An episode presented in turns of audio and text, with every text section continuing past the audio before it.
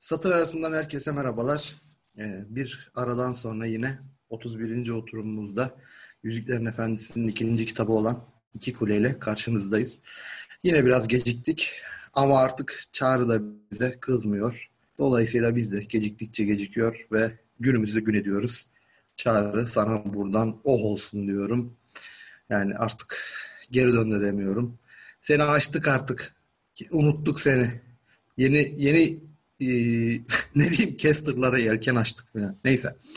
Şaka bir yana bu oturumun moderasyonunu Erhan yapacak. O yüzden ben sözü hiç uzatmadan Erhan'a devrediyorum. Erhan sendeyiz. Buyur. Benden de herkese merhabalar. Çağrısız bir oturumumuzda tekrar birlikteyiz. Ee, bundan önceki oturum herkesin hatırladığı gibi Yüzük Kardeşliği'ydi. Yani Yüzüklerin Efendisi'nin ilk kitabıydı. Ee, bugünkü oturumumuzda da Yüzüklerin Efendisi'nin İki Kule adlı ikinci kitabını tartışacağız. Ee, ben şöyle bir başlangıç yapmak istiyorum. Tespitimle yapayım hatta başlangıcı. Oradan konuşalım. Ee, üç kitapta birer başrol oyuncusu var. Aslında başrol oyuncusu demek doğru değil ama e, Tolkien'in spot ışıklarını tuttuğu birer karakter var. Birincisi Frodo, bir hobbit, sade, önemsiz bir yaşantıdan çıkıp hikayenin baş kahramanlarından bir tanesi olan bir karakter. İkincisi, yani bu kitap iki kuledeki Tolkien'in spot ışıklarını tuttuğu karakter Gandalf. Bir büyücü, bir düzenleyici, bir e, görevli diyelim. Tanrılar tarafından görevlendirilmiş. Orta Dünya'da düzeni sağlamak için gelmiş bir büyücü. Bu e, özellikle Gandalf'ın tanımını uzattım çünkü büyücü deyip geçemeyiz. Bundan biraz daha bahsedeceğim ileride. Üçüncü kitapta da e, zaten adıyla müstesna kralın dönüşünde bahsi geçen kral Aragorn. İki Kule nasıl başlıyor kitap? E, hatırlayalım biraz. Boromir'in ölmesiyle Anduin kıyısında yaşanan çatışmada Boromir'in ölmesiyle ilk kitap sona eriyordu. İkinci kitapta e, bu arada Frodo ile sen de ayrılıyorlardı nehrin karşısına geçip. İkinci kitap kıyı kenarında hayatta olan hala Legolas, Aragorn ve Gimli'nin ne yapacaklarına karar vermesiyle başlıyor. Bir karar alıp ee, bu diğer iki hobbit bu arada orklar tarafından kaçırılmıştı. Urukaylar daha doğrusu. Urukaylar tarafından yüzük taşıyıcısı hobbitler diye düşünülerek kaçırılıyordu.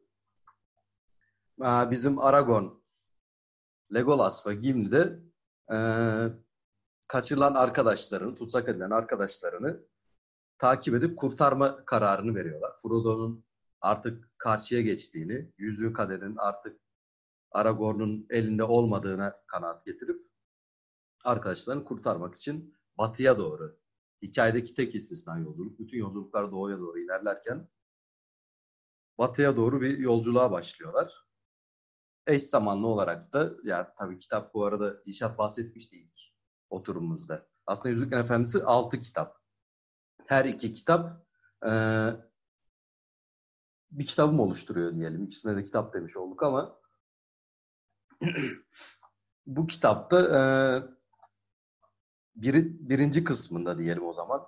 iki kulenin birinci kısmında bu takip ve bundan sonrasında Aragorn'un, Legolas'ın ve Gimli'nin başka karakterlere rastlamasıyla çok fazla karakter bu kısımda hikayenin içine giriyor. Ee, bir takım siyasi olaylar, savaşlar yaşanıyor. Diğer tarafta da kitabın diğer yarısında da Frodo ve Sam'in Mordor'un içlerine doğru yapmaya devam ettikleri yolculuktan bahsediyor yazar. Bu arada e, çok da önemli bir karakterle karşılaşıyorlar. Üçünün yolculuğu haline geliyor. Gollum. Gollum'dan bahsetmiştik. E, ben Gandalf'la ilgili birkaç söyleyeceğim şey var. Ya Gandalf'la ilgili söyleyeceklerim Yüzükler Efendisi romanının tamamı için geçerli. Onu baştan söyleyeyim. Ee, o da şu ki Gandalf büyücü deyip geçemeyeceğimiz bir karakter. Yani e, Yüzüklerin Efendisi'ne mesafeli duran bir kesim var. Sizin de çevrenizde muhakkak bir sürü vardır.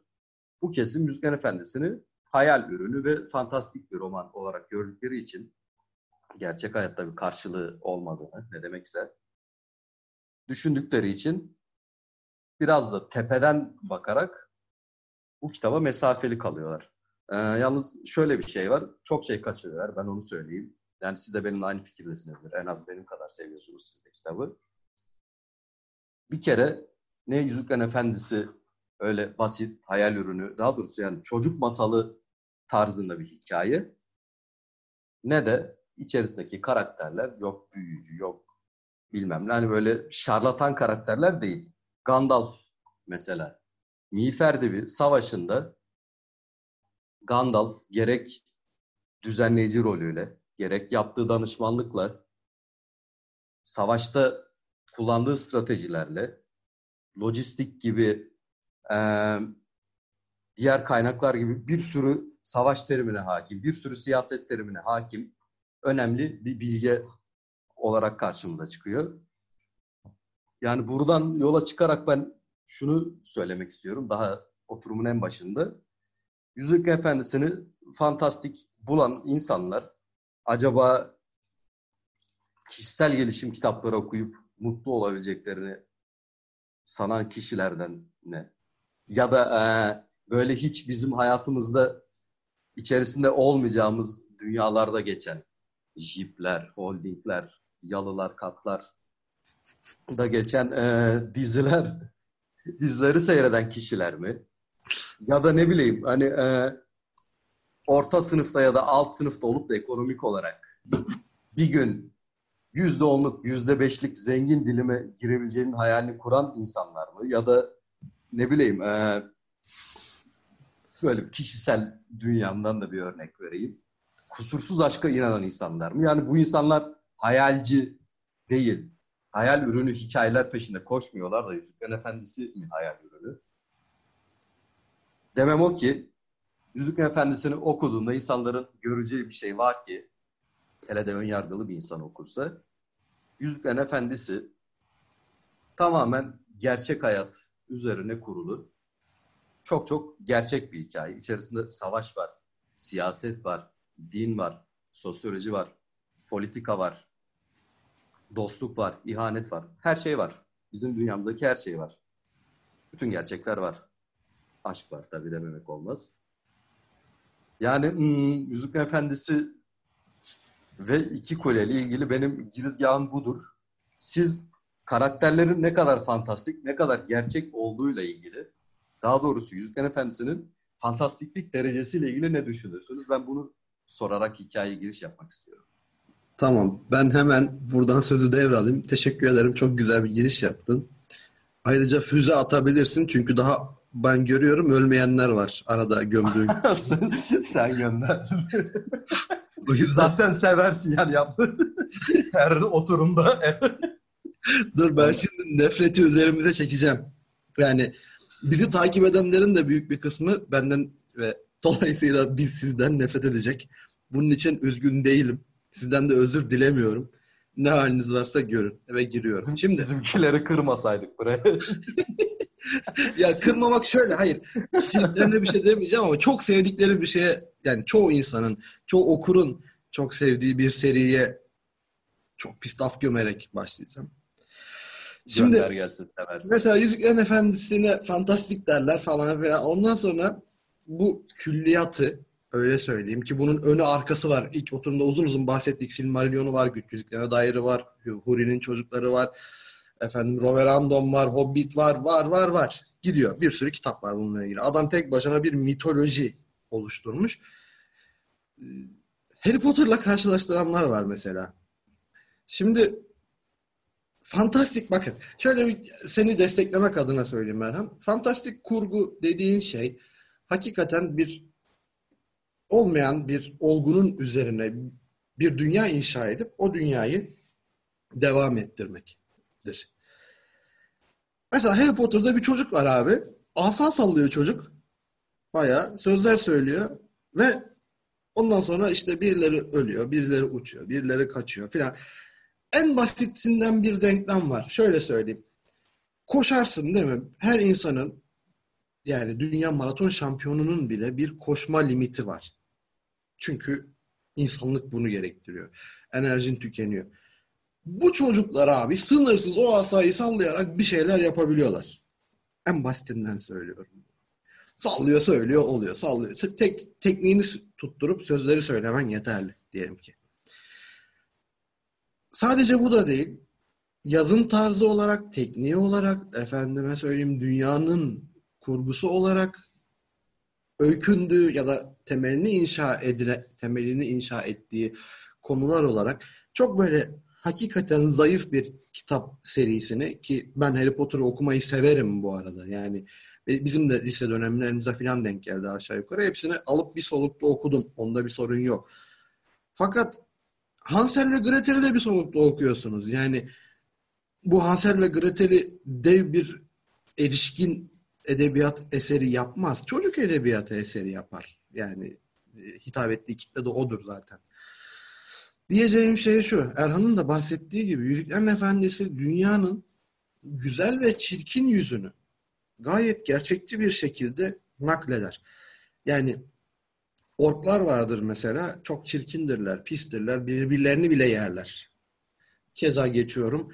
İşte müttefik devletlerin bile birbirine destek verip vermeyeceği tam belli değildir. Hem de orklara karşı. Yani siyaset burada. Sosyoloji işte halk gelen saldırılara karşı ne yapacak? Ya da halkın kitle olarak bu yüzü ne yapalım? Kullanalım mı? Atalım mı? filan gibisinden değişik adımları var. İşte dilleri var, dinleri var, edebiyatları var. Yani koca koca şarkıları, destanları, mitleri yazmış adam. Daha sonra bana diyorsun ki ama Harry Potter'da da işte iyiler var, kötüler var, asa sallayan çocuklar var. Tebrik ederim. Dünyada çok fazla da sattı. Kitap ya kitaplarından ziyade filmleri de çok izlendi. Fakat burada şunun ayrımını yapmak lazım. İnsanların çok sevdiği bir eser eğer siz sıradanın tahakkümünü bu kadar ön plana çıkaracaksanız ya da bu kadar önemsiyorsanız hani abi çok satmış. Tamam doğru çok sattı da yani dünyada ne bileyim şimdi birilerini gömeceğim gene olmayacak. Yani belli başlı isimleri çok fazla dinleyenler, izleyenler de var. Mesela belli başlı Trump %51 oy al alıyor. Trump mesela %51 oy evet, alıyor. Ha, hay yaşa. Mesela Trump'ın %51 oy aldığı bir dünyada yaşıyoruz. Bu Trump'ı çok mu iyi lider yapar? Yani günü, gündemde de olduğu için söyleyelim. Attığı tweetlerden şuradan buradan belli. Yani biz ne zaman biz edebiyat okurları olarak ya da hani kitap okurları olarak ne zamandır sıradanın görüşüne bu kadar kıymet verir oldu?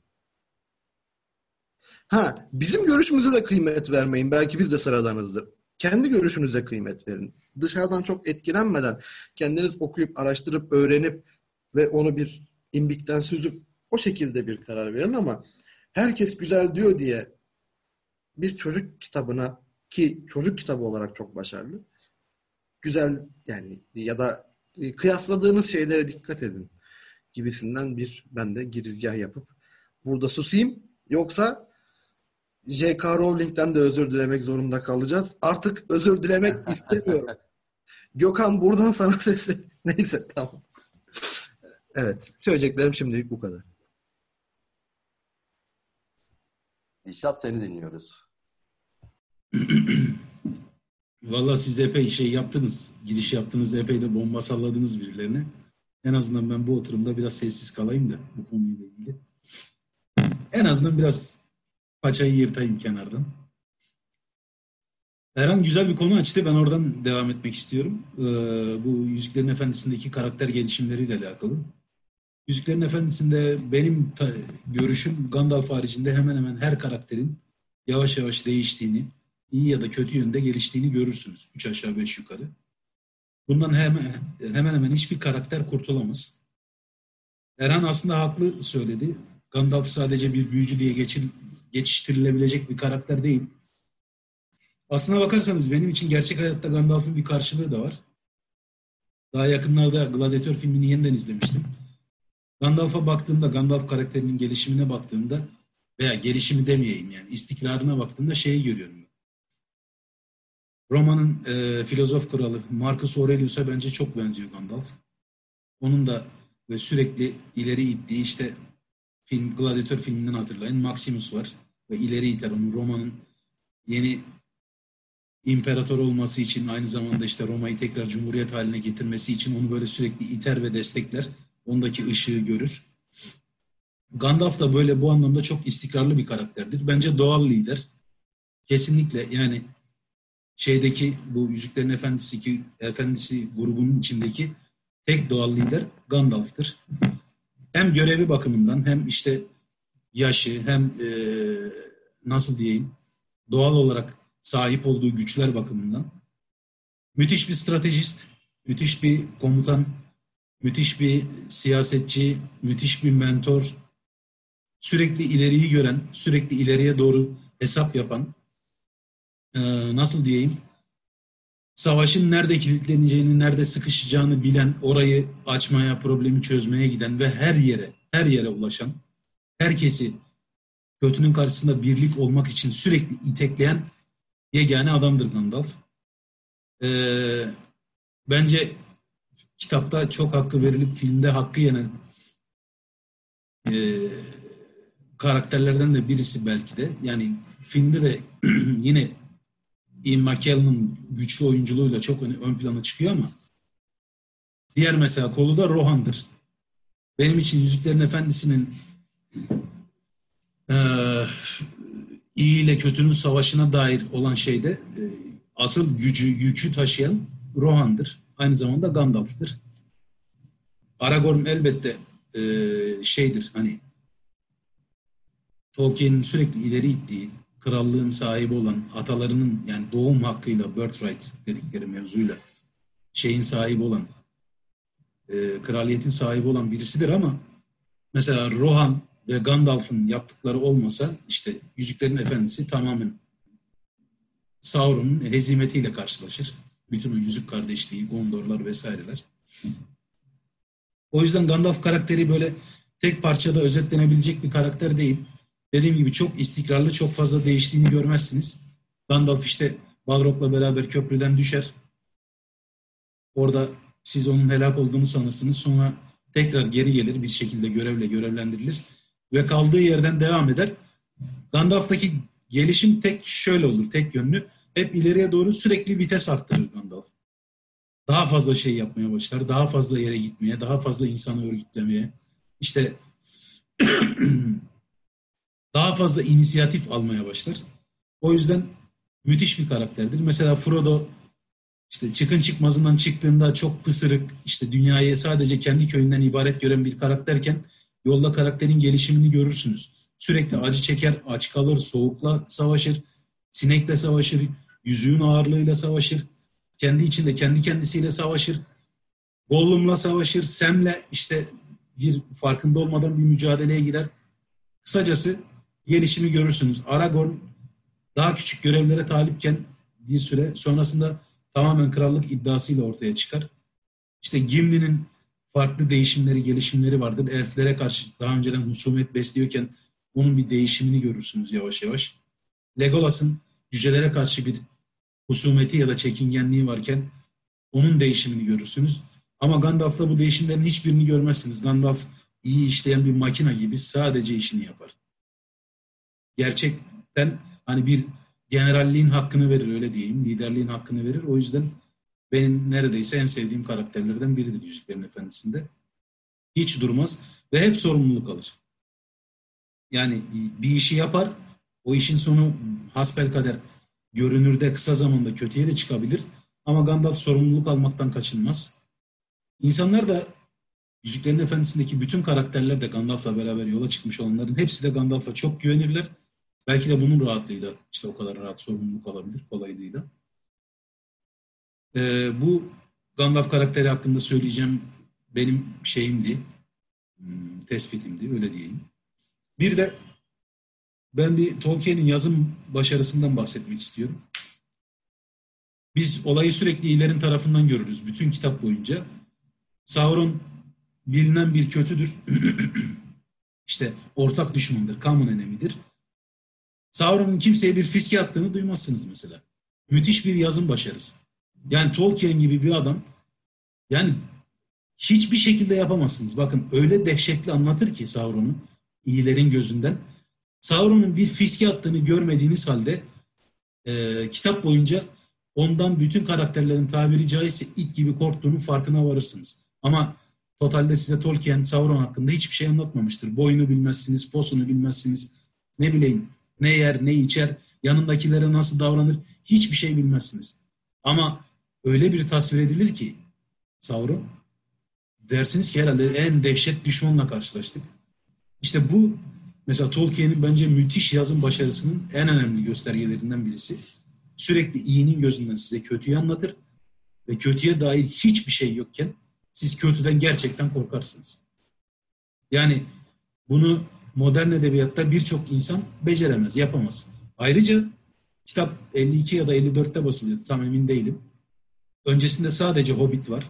Yani bizim şu an işte işin mitoloji tarafını konuştuğumuz Silmarillion vesaire halen ortada yok kitabın basıldığı tarihte. Daha hiç başını vermemişken olayın, yani mitoloji kendi kafasında kurguladığı mitolojinin başını bile vermemişken aslında Yüzüklerin Efendisi mevzuyu ortadan dalmaktır. Tolkien'in külliyatı için konuşuyorum. Mevzuyu ortadan dalar. Daha temellendirmediği, size başını vermediği bir hikayede sizi böyle sarıp sarmalar alır götürür başka bir dünyaya uçarsınız. İşte bu yazın başarısıdır. Yani bunu öyle herhangi sıradan hiçbir şey bilmeyen veya ne bileyim işte gözünüzle şahit olduğunuz çoğu adam böyle bir yazın başarısına erişemez. Zaten bu kitabın kendini ortaya koyması, dünyada en çok okunan üçüncü kitap olması, dini kitapların hemen arkasından gelmesi bunun temel göstergesidir. Yani büyük bir fan kitlesi var bu kitabın. Büyük bir e, sayısal çoğunluğun ötesinde konuşuyorum burada. Bu kadar insanın kendini bulduğu bir kitap, bu kadar insanın e, ilgi gösterdiği bir kitap başka türlü bir şey olamazdı zaten. Yani çağlar ötesine neredeyse veya işte yazıldığı on yılların ötesine hitap ediyor. Başka bir güçle hitap ediyor. İşte bu yazının Tolkien'in dünyasının, hayal gücünün, yazımının başarısıdır bence. Benim girizgah olarak söyleyeceğim ilk aklıma gelen şeyler bunlardı. Buradan rahmet diye bir kere daha selam olsun diyorum. Burada kısacık bir araya girmek istiyorum. İki tane anekdot. Yani daha doğrusu bir anekdot bir de konuyla ilgili başka bir şey anlatacağım. Anlatacağım anekdot şu. Tolkien Christopher Lee'nin büyük bir hayranıdır. Christopher Lee dediğim kişi de daha yakın zamanda ölen ve filmlerde Saruman'ı canlandıran kişidir. E, Tolkien hayatında yani ölmeden önce Christopher Lee ile bir görüşmesinde ona şöyle der. Eğer olura bir gün benim bu kitaplarım filmleştirilirse sen lütfen Gandalf'ı oyna. Söz alır Christopher Lee'den. Ve Peter Jackson filmi çekmeye başladığında Christopher yani daha doğrusu test dediğimiz oyuncu seçimine başladığında Christopher Lee Gandalf için seçmelere girer. Ancak onu e, Saruman'a uygun görür yönetmen. Herhalde burnu büyük diye mi işte Ian McKellen yani Gandalf'ı canlandıran kişi daha sevimli bir yaşlı bir yüze sahip diye mi o bilinmez. Ama burada Tolkien'in yazılı olmayan vasiyeti biraz göz ardı edilir. Sonra hatta Saruman'ın bu e, ikinci kitabın sonlarına doğru bazı sahneleri var belki konuşuruz işte o asanın kırılması vesaire vesaire. O sahneler filmden de çıkartılır. Sadece extended yani uzun versiyonda var o sahneler. Bunu diyen Christopher Lee bir daha bozulur ve filmin galasına gitmez gibisinden. Bir bu anekdotu anlatmak istedim. Biraz magazin kısmı hem de biraz film kısmına da değinmediler demesinler. Ee, benim ama daha değinmek istediğim çok önemli bir nokta var. Tolkien çok büyük bir yazar evet. Fakat bu kitabı Türkçe'ye çeviren yani şimdi baktım eğer ilk çeviri ondan da bilmiyorum ama Çiğdem Erkal İpek diyor. Şiir çevirileri de Bülent Somay'ınmış. Yani ilk Metis bastığında yine Çiğdem Erkal İpek mi bastı, şey çevirdi? Onu bilemeyeceğim.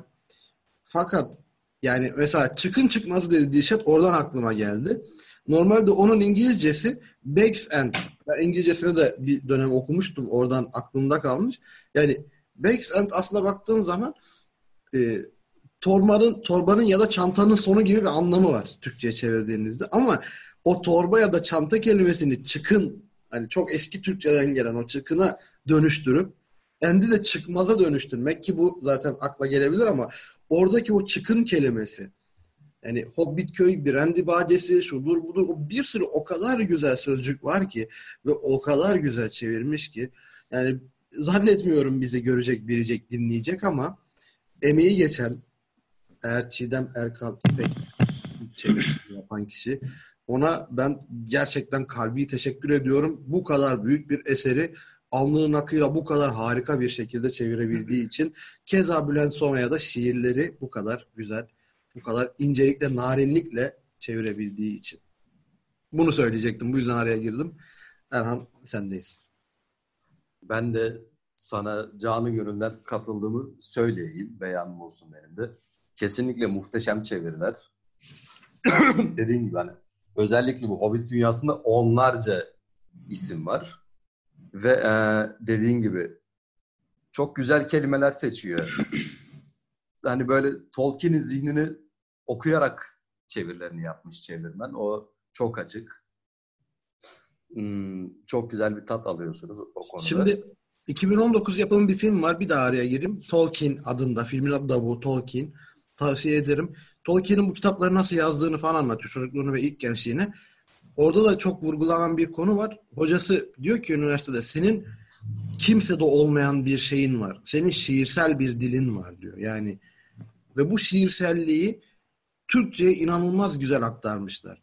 Hani Tolkien'in şiirselliği zaten bir edebi kişilik olarak belki 100 yılda bir kere gelecek bir iş. Bunu da bu kadar güzel çevirebilmek de bir çevirmen olarak belki 100 yılda bir gelecek bir kişinin yapabileceği bir durum yani. Onu söylemek istedim. Kesinlikle katılıyorum. Zaten e, Tolkien'e baktığınız zaman İngiltere gibi medeniyetin o dönemde çok gelişkin olduğu bir ülkede profesörlük gibi çok yüksek bir ünvana sahip. Yani çok elit kaymak üstü bir insan. Öte yandan Dünya Savaşı'nda savaşmış. Yani bir insanın görebileceği hayatta en dip yaşam biçimi herhalde. Savaş içerisinde yaşamak ya da bizzat asker olmaktır. Ee, Tolkien'in dilinde de, hikayenin kendisinde de zaten bu e, geniş yelpazeyi de görmek mümkün. Bu yelpazeye değinmişken İki Kule nasıl bir kitap? Ya da şöyle söyleyelim, e, İki Kule şeyden hangi noktalarda farklı? Yüzük kardeşliğinden. Şöyle e, böyle daha masalsı Hobbit dünyası işte hatta Ayrık Vadi de aynı şekilde masalsı bir diyar. O orman, höyük yaylaları, hanlar hepsi nispeten masalsı, fantastik. Daha çocuksu. Bu arada çocuksu demişken de iki kuleden bahsetmeden bir şey söyleyeceğim Eren hani Harry Potter'dan. Bunun bir çocuk romanı türü olduğundan bahsetmişti. Kimse yanlış anlamasın. Biz de Mesela üçümüzün de çok fazla çocuksu huyları, alışkanlıkları, zevkleri var. Yani herkesin içinde çocuk vardı. Ben herkesin içindeki o çocukları gözlerinden öpüyorum burada.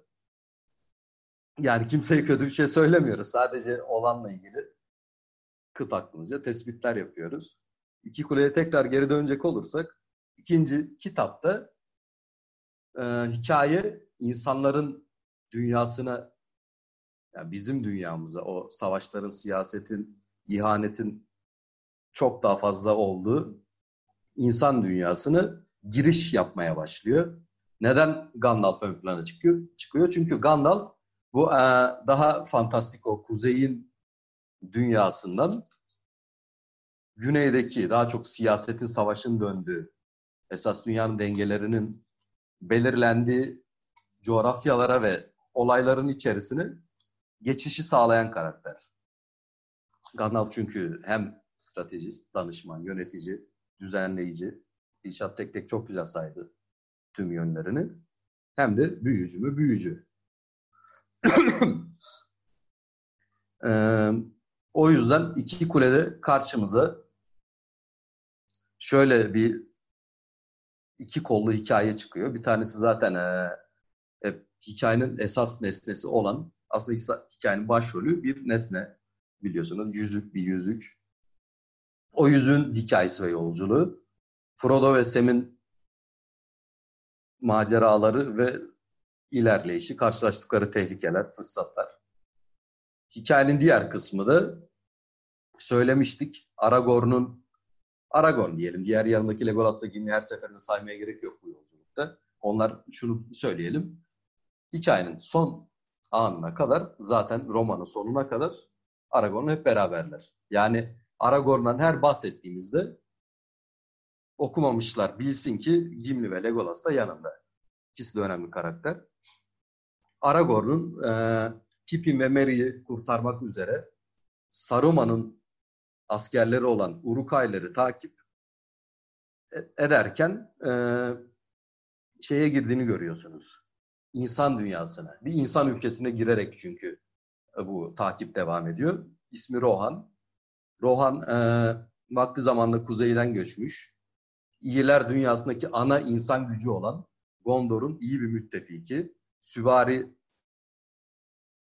şeklinde savaşan e, Gondor kadar ya da Aragorn'un soyu olan Numenorlar kadar bilge ya da soylu olmayıp yine de mert, dürüst, çalışkan ve cesur insanlardan oluşan bir ülke olarak tanımlanıyor. Yani iyilerin tarafında. ee, Rohan ülkesiyle, kralıyla ve askerleriyle ve Rohan'ın kaderiyle Gandalf'ın yolu, Aragorn'un yolu kesişiyor hikayede. Ve beraber bir savaşa giriyorlar. Bu arada bu savaşta, bu devletin siyasetinde ve aynı şekilde geleceğinde çok önemli rolü olan bir karakter var. Saruman. Saruman'dı. Gandalf'lı büyücülerden bahsetmiştik. Yine tekrar hikayede önemli rol, rolü olduğu için hatırlatalım bu büyücülerin kim olduğunu. Tolkien'in tasarladığı dünyada öncelikle en tepede Eru isimli Zeus'a, Odin'e falan tekabül edebilecek bir baş tanrı var. Bunun altında e, Man ve Aule gibi isimleri olan ve bu Olimpos tanrılarına denk diyebileceğimiz büyük tanrılar var. Ana tanrılar ve tanrıçalar aynı zamanda. Bunların da altında Yunan mitolojisindeki bu küçük küçük Olimpos tanrısı olmayan tanrılara benzeyen bir sürü tanrısal varlık var. Yani Gandalf nedir? Saruman nedir? Sauron nedir? Cevap tanrısal varlıktır diyebiliriz. Yani bunların böyle genelde mikro, çok niş rolleri olur. İşte hani Selene ay tanrısı gibi ya da Eros aşk falan filan gibi böyle tek bir görev. Ya da e, başka sınırlı güçleri olur. Ama yine de tanrısal varlıklardır. Şimdi e, Gandalf, Saruman hikayede, bu hikayede değil, Hobbit'te ismi geçen Radagast isimli bir büyücü ve adı bilinmeyen iki büyücü daha, beş büyücü. Bunlar e, Mayer yani bu bahsettiğimiz küçük tanrılar olarak e, hikayede yer alıyorlar. Bunların e, tarafı iyi taraf. İyi tarafın tanrıları bunlar. Yani küçük tanrıları. Büyücü işte Maya diyor. Şey yani tanrıları 3 level'a ayırıyor Tolkien kendi yarattığı mitolojide. Karşı taraftaki Balrog, Sauron, e, bu hikayede yine Hobbitlerin karşılaşacağı Shelob isimli bir dev örümcek. Daha doğrusu onun ataları. E, bunlar da kötü Mayalar olarak hikayede yer alıyorlar.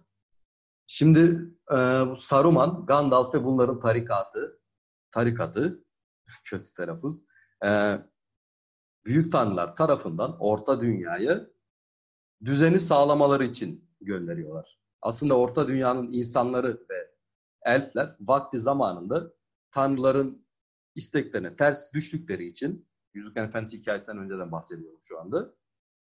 Biraz tanrılar tarafından kendi kaderlerine bırakılmış vaziyetteler. Yine de Manbe isimli ana tanrı Eron'un sağ kolu olan tanrının insafıyla son bir şans olarak orta dünyaya insanlara, elflere yani e, tanrıların yolundan giden iyi halklara yardımcı olmaları için bir şekilde gönderiyorlar. Gemiyle olduğu zannediliyor bu arada. Bunlardan e, Saruman en büyükleri. Tarikatın da başı aynı zamanda yine tarikat dedim. e, Tarkan gibi. Bu e, Saruman'ın altında Gandalf var. Gandalf'ın altında diğer üçü önemsiz biçimde sıralanıyor. E, Saruman zamanla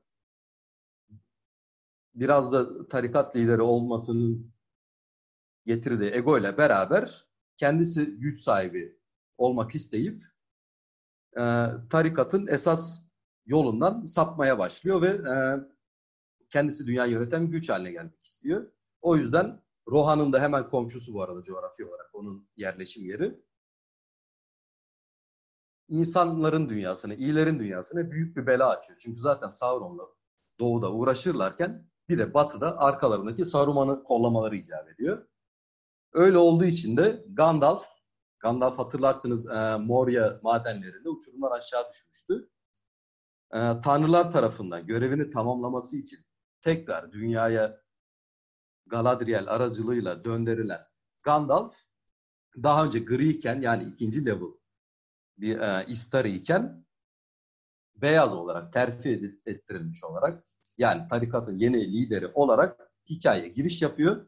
Hikayede zaten bu iki istari karşı karşıya geliyorlar Miğfer Savaşı'ndan sonra ve e, Gandalf resmi olarak da onların tekniğine göre teknik olarak da Saruman'ın asasını kırarak esas yönetici yani yönetici olarak gönderilen Mayarların başı olarak İşat'ın tabiriyle sorumluluğu tamamıyla ele alıyor.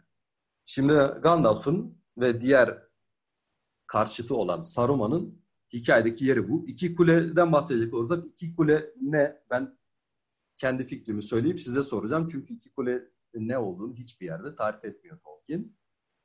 Ama sanırım Minas Tirith'le Baradur diye düşünüyorum ben. Sizin düşünceleriniz ne? Ya da ben yanılıyor muyum? Böyle bilgi var ben mi kaçırmış vaziyetteyim? Size sorayım. Valla bilgi var mı ben de bilmiyorum ama benim çok eskiden kalan var var. Var. şeyim olarak ben Barattur ve e, Ortanç ya Ortank ya da her neyse. O Yok, ikisi değil. olarak biliyorum. O da mı değil? Değil. Ney? Minas Tirith Minas yani Numenor insanları Silmarillion'da Numenorlar geri döndüğünde Arparazon vasıtasıyla işte Valar'a baş kaldırıyorlar sonra tamam. falan. Geri döndüklerinde Numenorlar Orta Dünya'ya yerleştiklerinde iki tane kule yapıyorlar. Bir tanesinin adı Minas Anor, diğerinin adı da Minas Itil. Minas Itil Ay Kulesi. Tamam. İtil Anor'da... Evet. E sen şey diyorsun Nazgüllerin durduğu yer, o kirlettiği yer ve Minas Tirith'i diyorsun. O ikisi mi yani iki kule şu an? Zaten o ikisinin karşılaşması. Çünkü zaten birbirlerine bakıyorlar. Bir tarafta Minas Anor var. Doğan Güneş'in kulesi. Evet. Diğer Minas Itil Ay Kulesi. Minas Anor düşüyor. Buraya Ay Kulesi'ne Minas Itil'e Sauron kötü güçleriyle gelip yerleşince oranın adı Minas Itil değil Minas Morgul oluyor. Kara evet. Kule, Kötülük Kulesi. Buranın adı da Minas Anorken yani Güneş Kulesi iken Muhafız Kulesi anlamına gelen Minas Tirith oluyor. İki kulenin çarşı, karşılaşması zaten. Yani biri Ay, biri Güneş Kulesi. Ay hep lunatik olayı vardır ya, lunatik İngilizce. Evet. Ay demek. Yani ayla bir çıldırma hep İngilizce'de böyle bir bağlantı vardır. Güneşe değil de aya tapınan çıldırmıştır, yoldan sapmıştır. Yoldan çıkmıştır anlamında. Ay kulesi kötünün eline geçiyor. Minas Itil, Minas Morgul oluyor. Büyük kulesi oluyor. Pardon, büyük kulesi demek Minas Morgul. Minas Anor'da muhafız kulesi Minas Tirith oluyor. Bu iki kulenin çarpışması. Birinde kral oturuyor. Aragorn, insanların kralı. Diğerinde de Sauron oturuyor işte. Baraddur'daki kulede. Ben İkisi bunu karşısında. Bunu bilmiyordum ya. Yani ben, kule, ben de bilmiyordum. iki kulenin çarpışması o aslında. Yani iyi ile kötünün savaşı, güneşle ayın savaşı gibi bir şey yani. Hmm. Yani ben öyle bağlantı kuruyorum. Çünkü İngiliz İngilizce'de bildiğim kadarıyla hani mesela Eren'le biz ortak bir oyun oynuyoruz. Oradan belki hatırlarsın LoL diye, League of Legends diye bir bir zaman oynadığımız, hala ara ara girdiğimiz bir oyun vardı. Çocuk çocuk gibi mesela değil mi? Aynen öyle. o, oturum Orada, bitince de oynayacağız.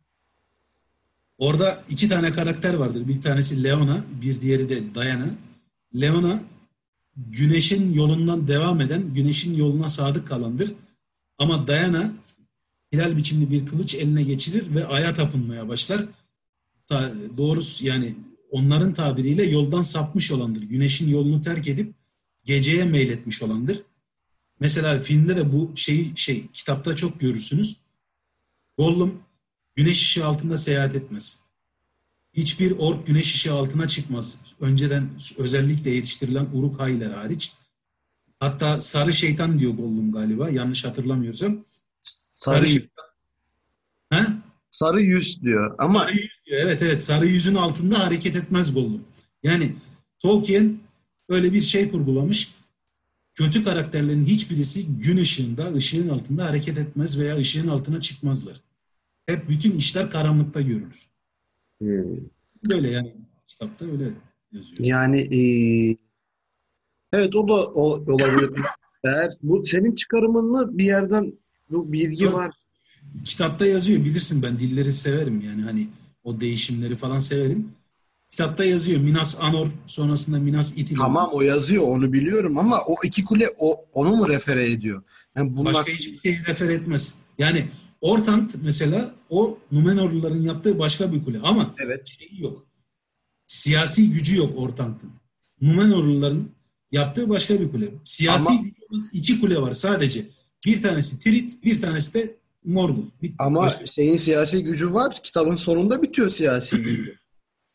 Neyin? Ortank'ın. Ortank yapıldığı zaman da bir siyasi gücü yok. Bu iki kulenin bir tanesi Anarion adına yapılıyor.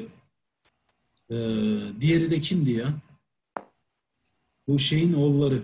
İtildin. Ravros, Ravros Şelalesi'nde böyle duranlar kimdi? Isildur'la evet Anarion adına yapılıyor işte. Hatta Arnor, krallığın birinin adı Arnor, diğeri Gondor. Arnor krallığı yok oluyor, evet. oturuyor. Bunlar evet. Gondor krallığını tek başlarına yönetmeye başlıyorlar. Evet. Gondor krallığında iki kule var işte.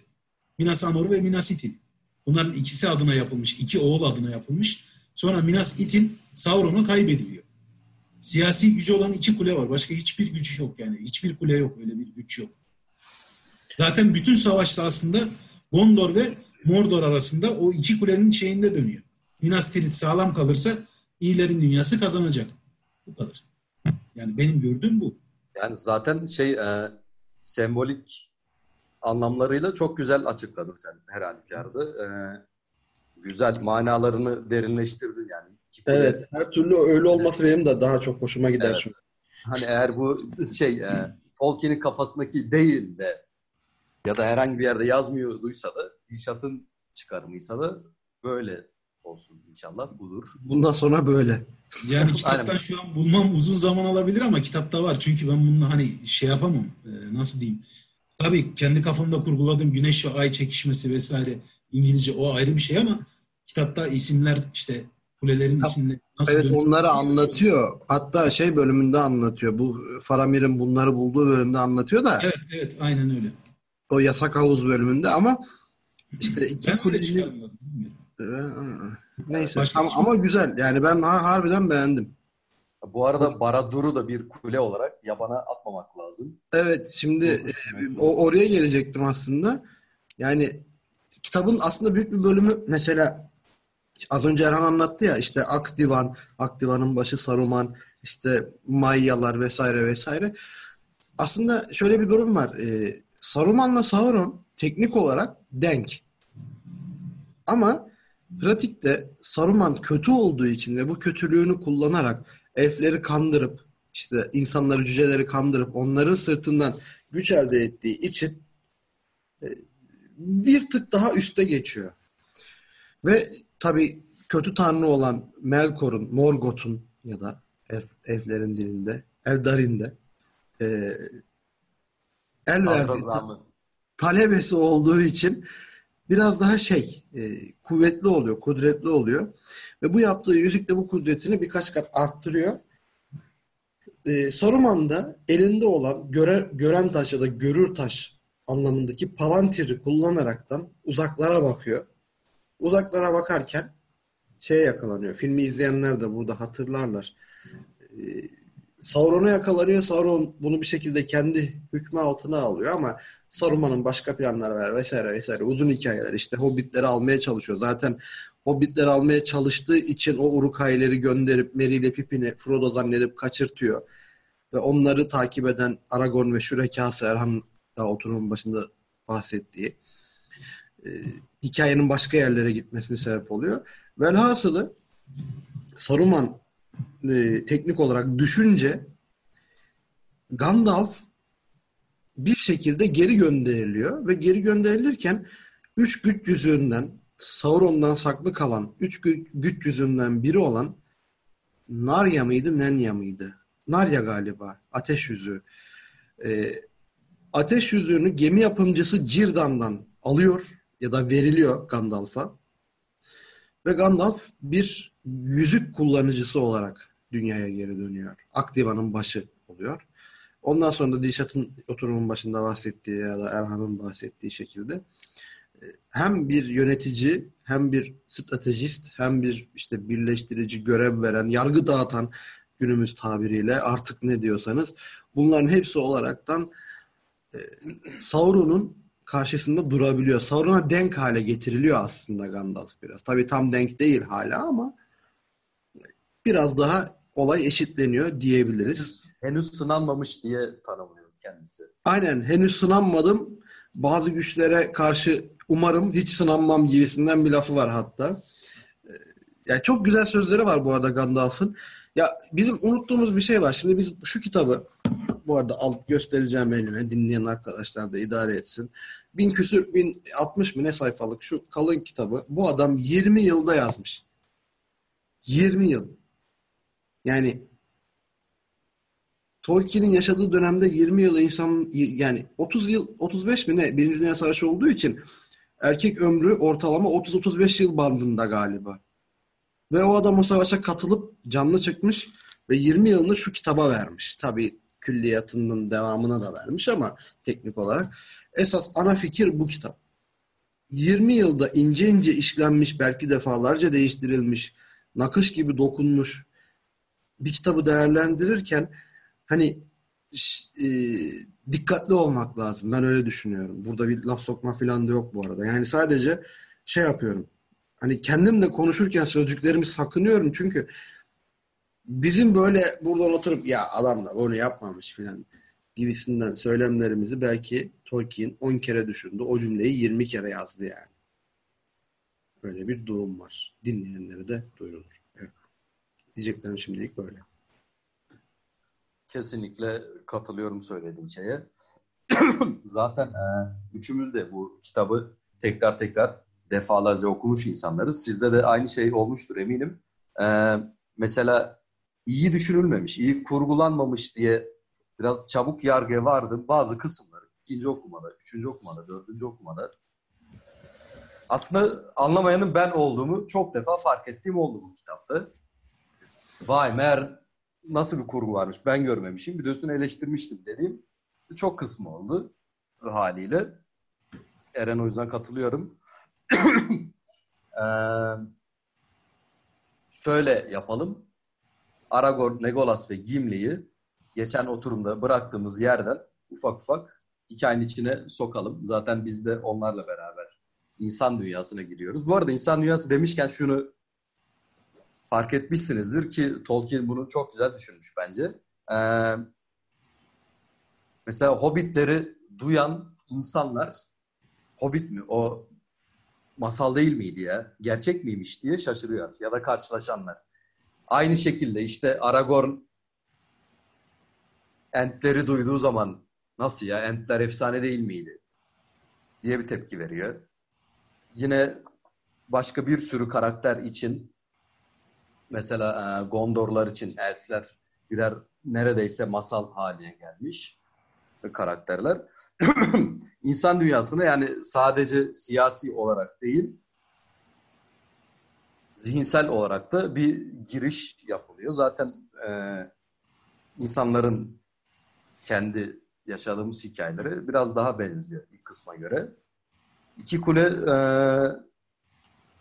velhasıl kelam Aragorn, Gimli ve Legolas'ın Boromir'in ölümünden Frodo ve Sam'in nehrin karşı tarafına yüzü e, Mordor'a doğru götürmek üzere geçmesinden ve son olarak da e, diğer iki hobbit Pippin ve Merry'nin Saruman tarafından yüzüğü taşıdığı düşünülerek kaçırılmasından sonra batıya doğru bunları takip etmek üzere yola çıkıyorlar.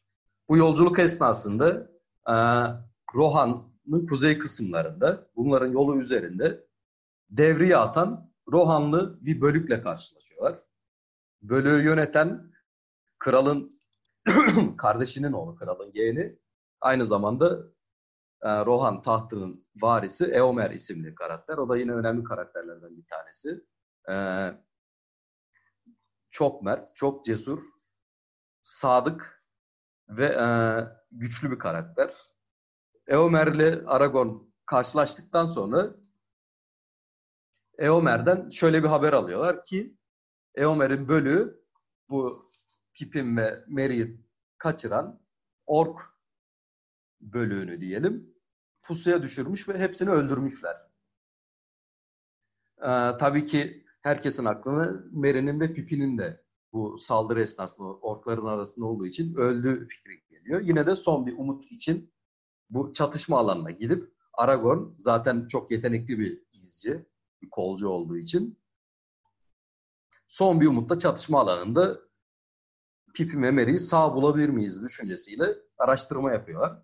Araştırma sonunda iki Hobbit'in de hayatta olduğunu izlerden fark edip izleri takip ediyorlar. İzler onları Fangorn isimli Rohan'ın kuzeyindeki ayrıca Saruman'ın kulesi olan Or Ortank mı? Hep Ortank dedi. Ortank kulesine de komşu olan Fangorn ormanına götürüyor izler bunları. Ormana girmek zorunda kalıyorlar.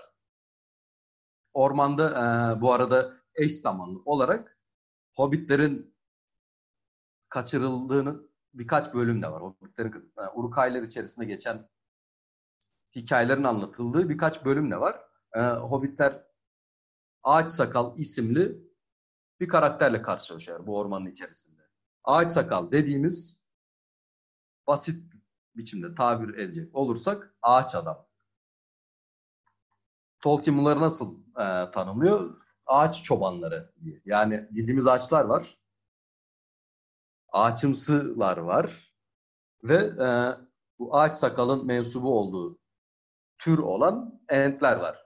Entler yürüyebilen, hareket edebilen, konuşabilen, düşünebilen ağaçlar. Öyle diyebiliriz. Ama artık şey ya o kadar farklılar ki aslında ki zaten yani işte yürüyor, konuşuyor. Bu bir ağaç değil. Hatırlarsınız şeyde hikayenin en başında Hobbit köydeki bir handa Hobbitlerin e, yaşadığı yer, şairin sınırında bir şey. Sem, Sem'in yeğeni yürüyen ağaçlar görmüş güya. Bunu Handa anlatıyor. Han bildiğiniz kıraathane, köylülerin toplandığı. Köylüler buna inanmıyorlar. Ağaç yürür mü falan filan. Yürüdüyse ağaç değildir. Yani oradaki tabirle yürüdüyse ağaç değildir. Evet bunlar ağaç değil. Bunlar ent. Bunlar farklı bir tür. Hobbitler entlerle karşılaşıyor. Ee, entlerin safının iyilerden yana olduğunu anlıyorlar konuşmaları esnasında. Ve e, entlerin himayesi, himayesi demeyelim mi? Koruması altında Fangorn ormanında kalıyorlar. Zaten Gandalf, e, pardon, kısa süreli bir spoiler oldu. Zaten Aragorn, Legolas ve Gimli de e, o çatışmadan sonra Fangorn ormanına girmişler bizleri takip ederek. Bu sayede Fangorn ormanı içerisinde ölümden dönmüş olan Gandalf'la karşılaşıyorlar.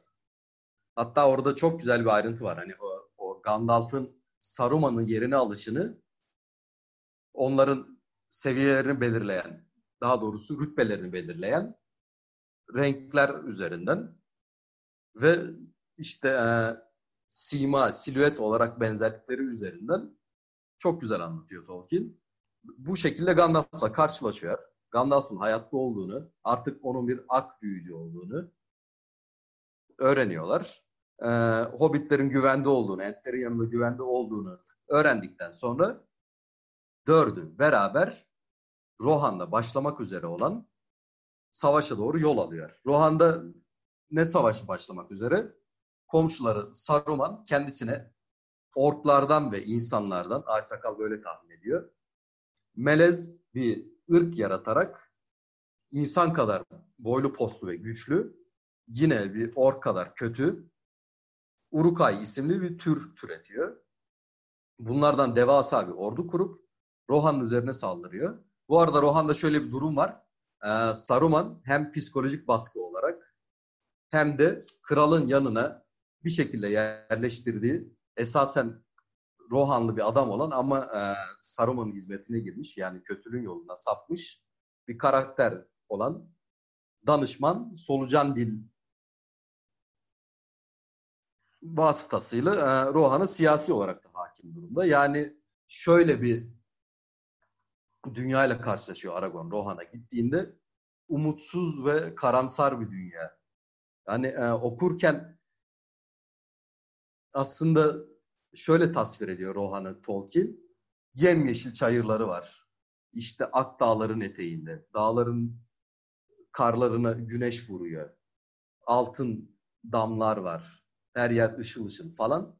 Ama e, hiç de öyle değil insanların içinde kaldıkları durum. Çok karanlık.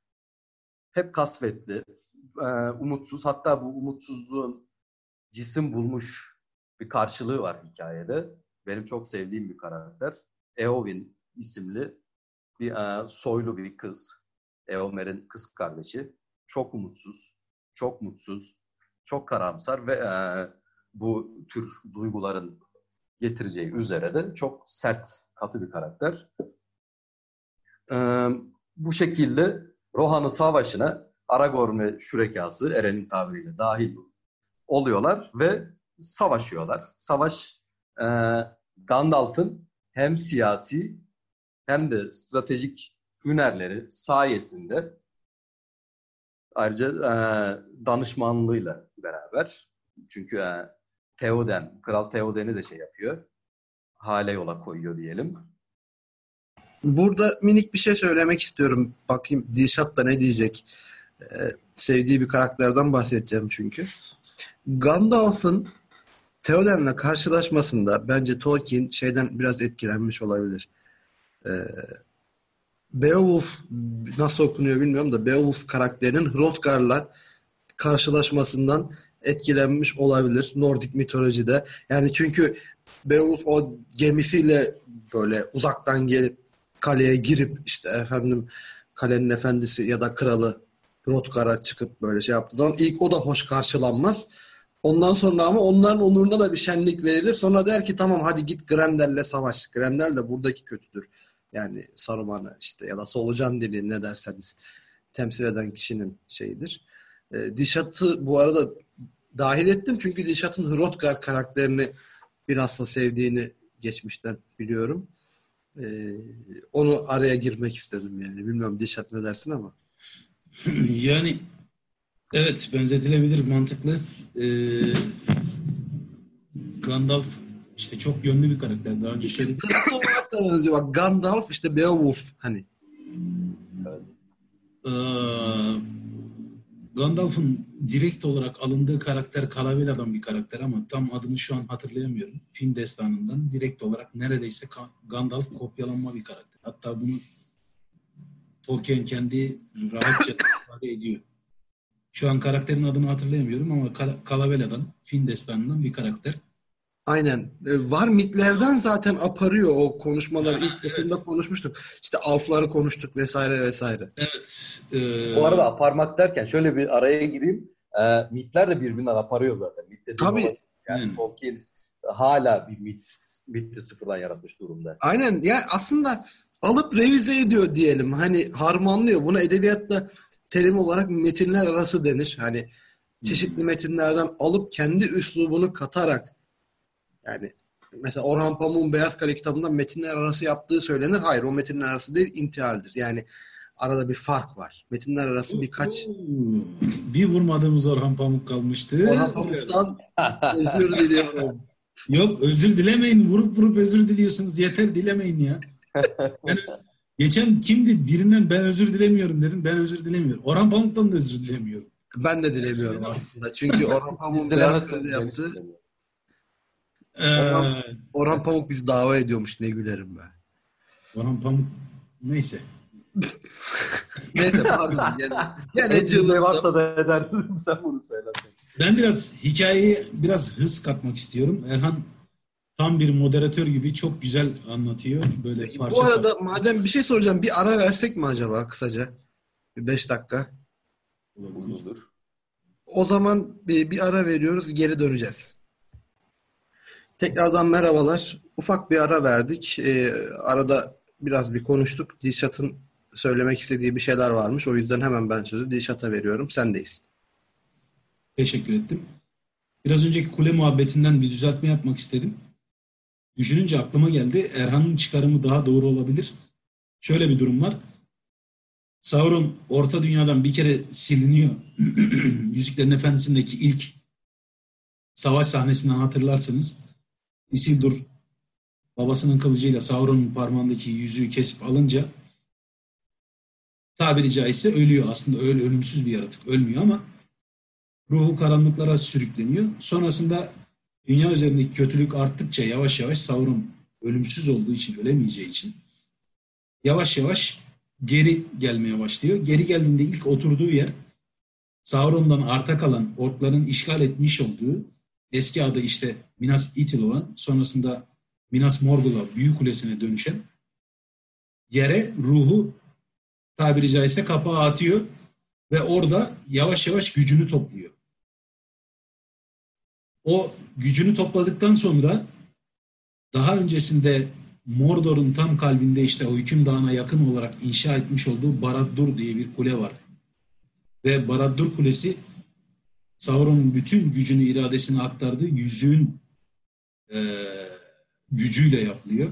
Onun temelleri kaybolmadığı için bu çağda, üçüncü çağda şeyi tekrar yükseltiyor. Barad-dûr'u tekrar yükseltiyor temellerinden. Ve artık bütün kötülüklerine, bütün şerrine Barad-dûr'dan devam etmeye başlıyor. Mordor'un kalbine geçip oturuyor tekrar. Yani şöyle söylersek işte o Osgiliath'ın karşısındaki Minas Morgul'dan çekilip biraz daha doğuya asıl karargahına geçiyor. Dolayısıyla iki kulenin çekişmesi, iki kulenin savaşı Minas Tirith ve Barad-dûr arasında oluyor. Minas Morgul denilen yer zaten Barad-dûr'un eşleniği veya Barad-dûr'un hükmü altındaki yer olmuş oluyor. Böylece bir düzeltme yapayım. Ee, yanlış bilgi vermek olmasın. Yani iki kulenin çekişmesi bir tarafta Minas Tirith, Muhafız Kulesi, diğer tarafta da Barad-dûr, Sauron'un bütün gücünü, şerrini yaydığı, her şeyi yönettiği kule. Çünkü birinde insan lideri Aragorn oturacak sonrasında o tahta. Birinde de kötülerin en büyük lideri Sauron var. Bu ikisinin çekişmesine tanık oluyoruz aslında biz. Burada yalnız ben de bir düzeltme yapacağım söylediklerinle ilgili. Ee, Sauron'un gücünü topladığı yer aslında Dolgul'dur zindanları. Yani Oradan oradan gelip ruhu sonrasında Minas Morgul'a oturuyor işte. önce yok. Önce Kuyut Orman'da Kuyut Ormanı'nda evet. Yani o Dolguldur'da güçleniyor. Oradan Hatta Hobbit filminde işte Galadriel vesaire Ha, hepsi. oradan sürününce aslında çok geçti her şey için falan diyorlar. Evet. Evet. Şey oluyor. Barad-dûr inşa ediliyor. Ondan sonra Minas Morgul'u alıyor. Alıyor. Minas Morgul'da bir süre geçirip sonrasında Barad-dûr'a geçip tamamen artık şeyi bitiriyor. Yerleşim olayını bitiriyor yani. Mordor'u Barad-dûr'dan yönetmeye başlıyor. Bütün gücünü oradan devam. Minas Yani Morgul bir süre zaman geçiriyor ama dediğin gibi ilk ilk yerleştiği yer Dolgul'dur. Evet. Hatta o Galadriel işte Elrond, Saruman. Bu arada son aklıma geldi. Azıcık da cıvıtmış olayım. Erhan'a da söz vereceğiz bu arada ama. Ee, Gandalf şöyle de renkli bir karakterdir. Güzel bir tanımlaması vardı. Gandalf'ın her e, ırkın dilinde kendine ait bir ismi var.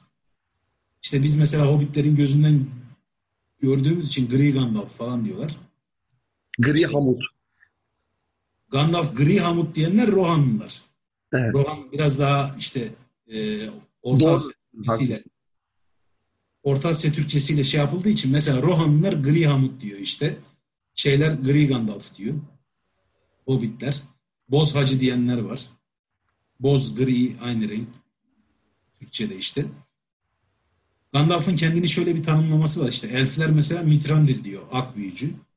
Sindarin'de Mit- Mitrandir diyorlar. Eldarin'de Olorin diyorlar. Olorin diyorlar. Aynen. İşte o da onu şöyle söyler. İşte elfler Mitrandir der. Kuzeyde adım Olorin'dir.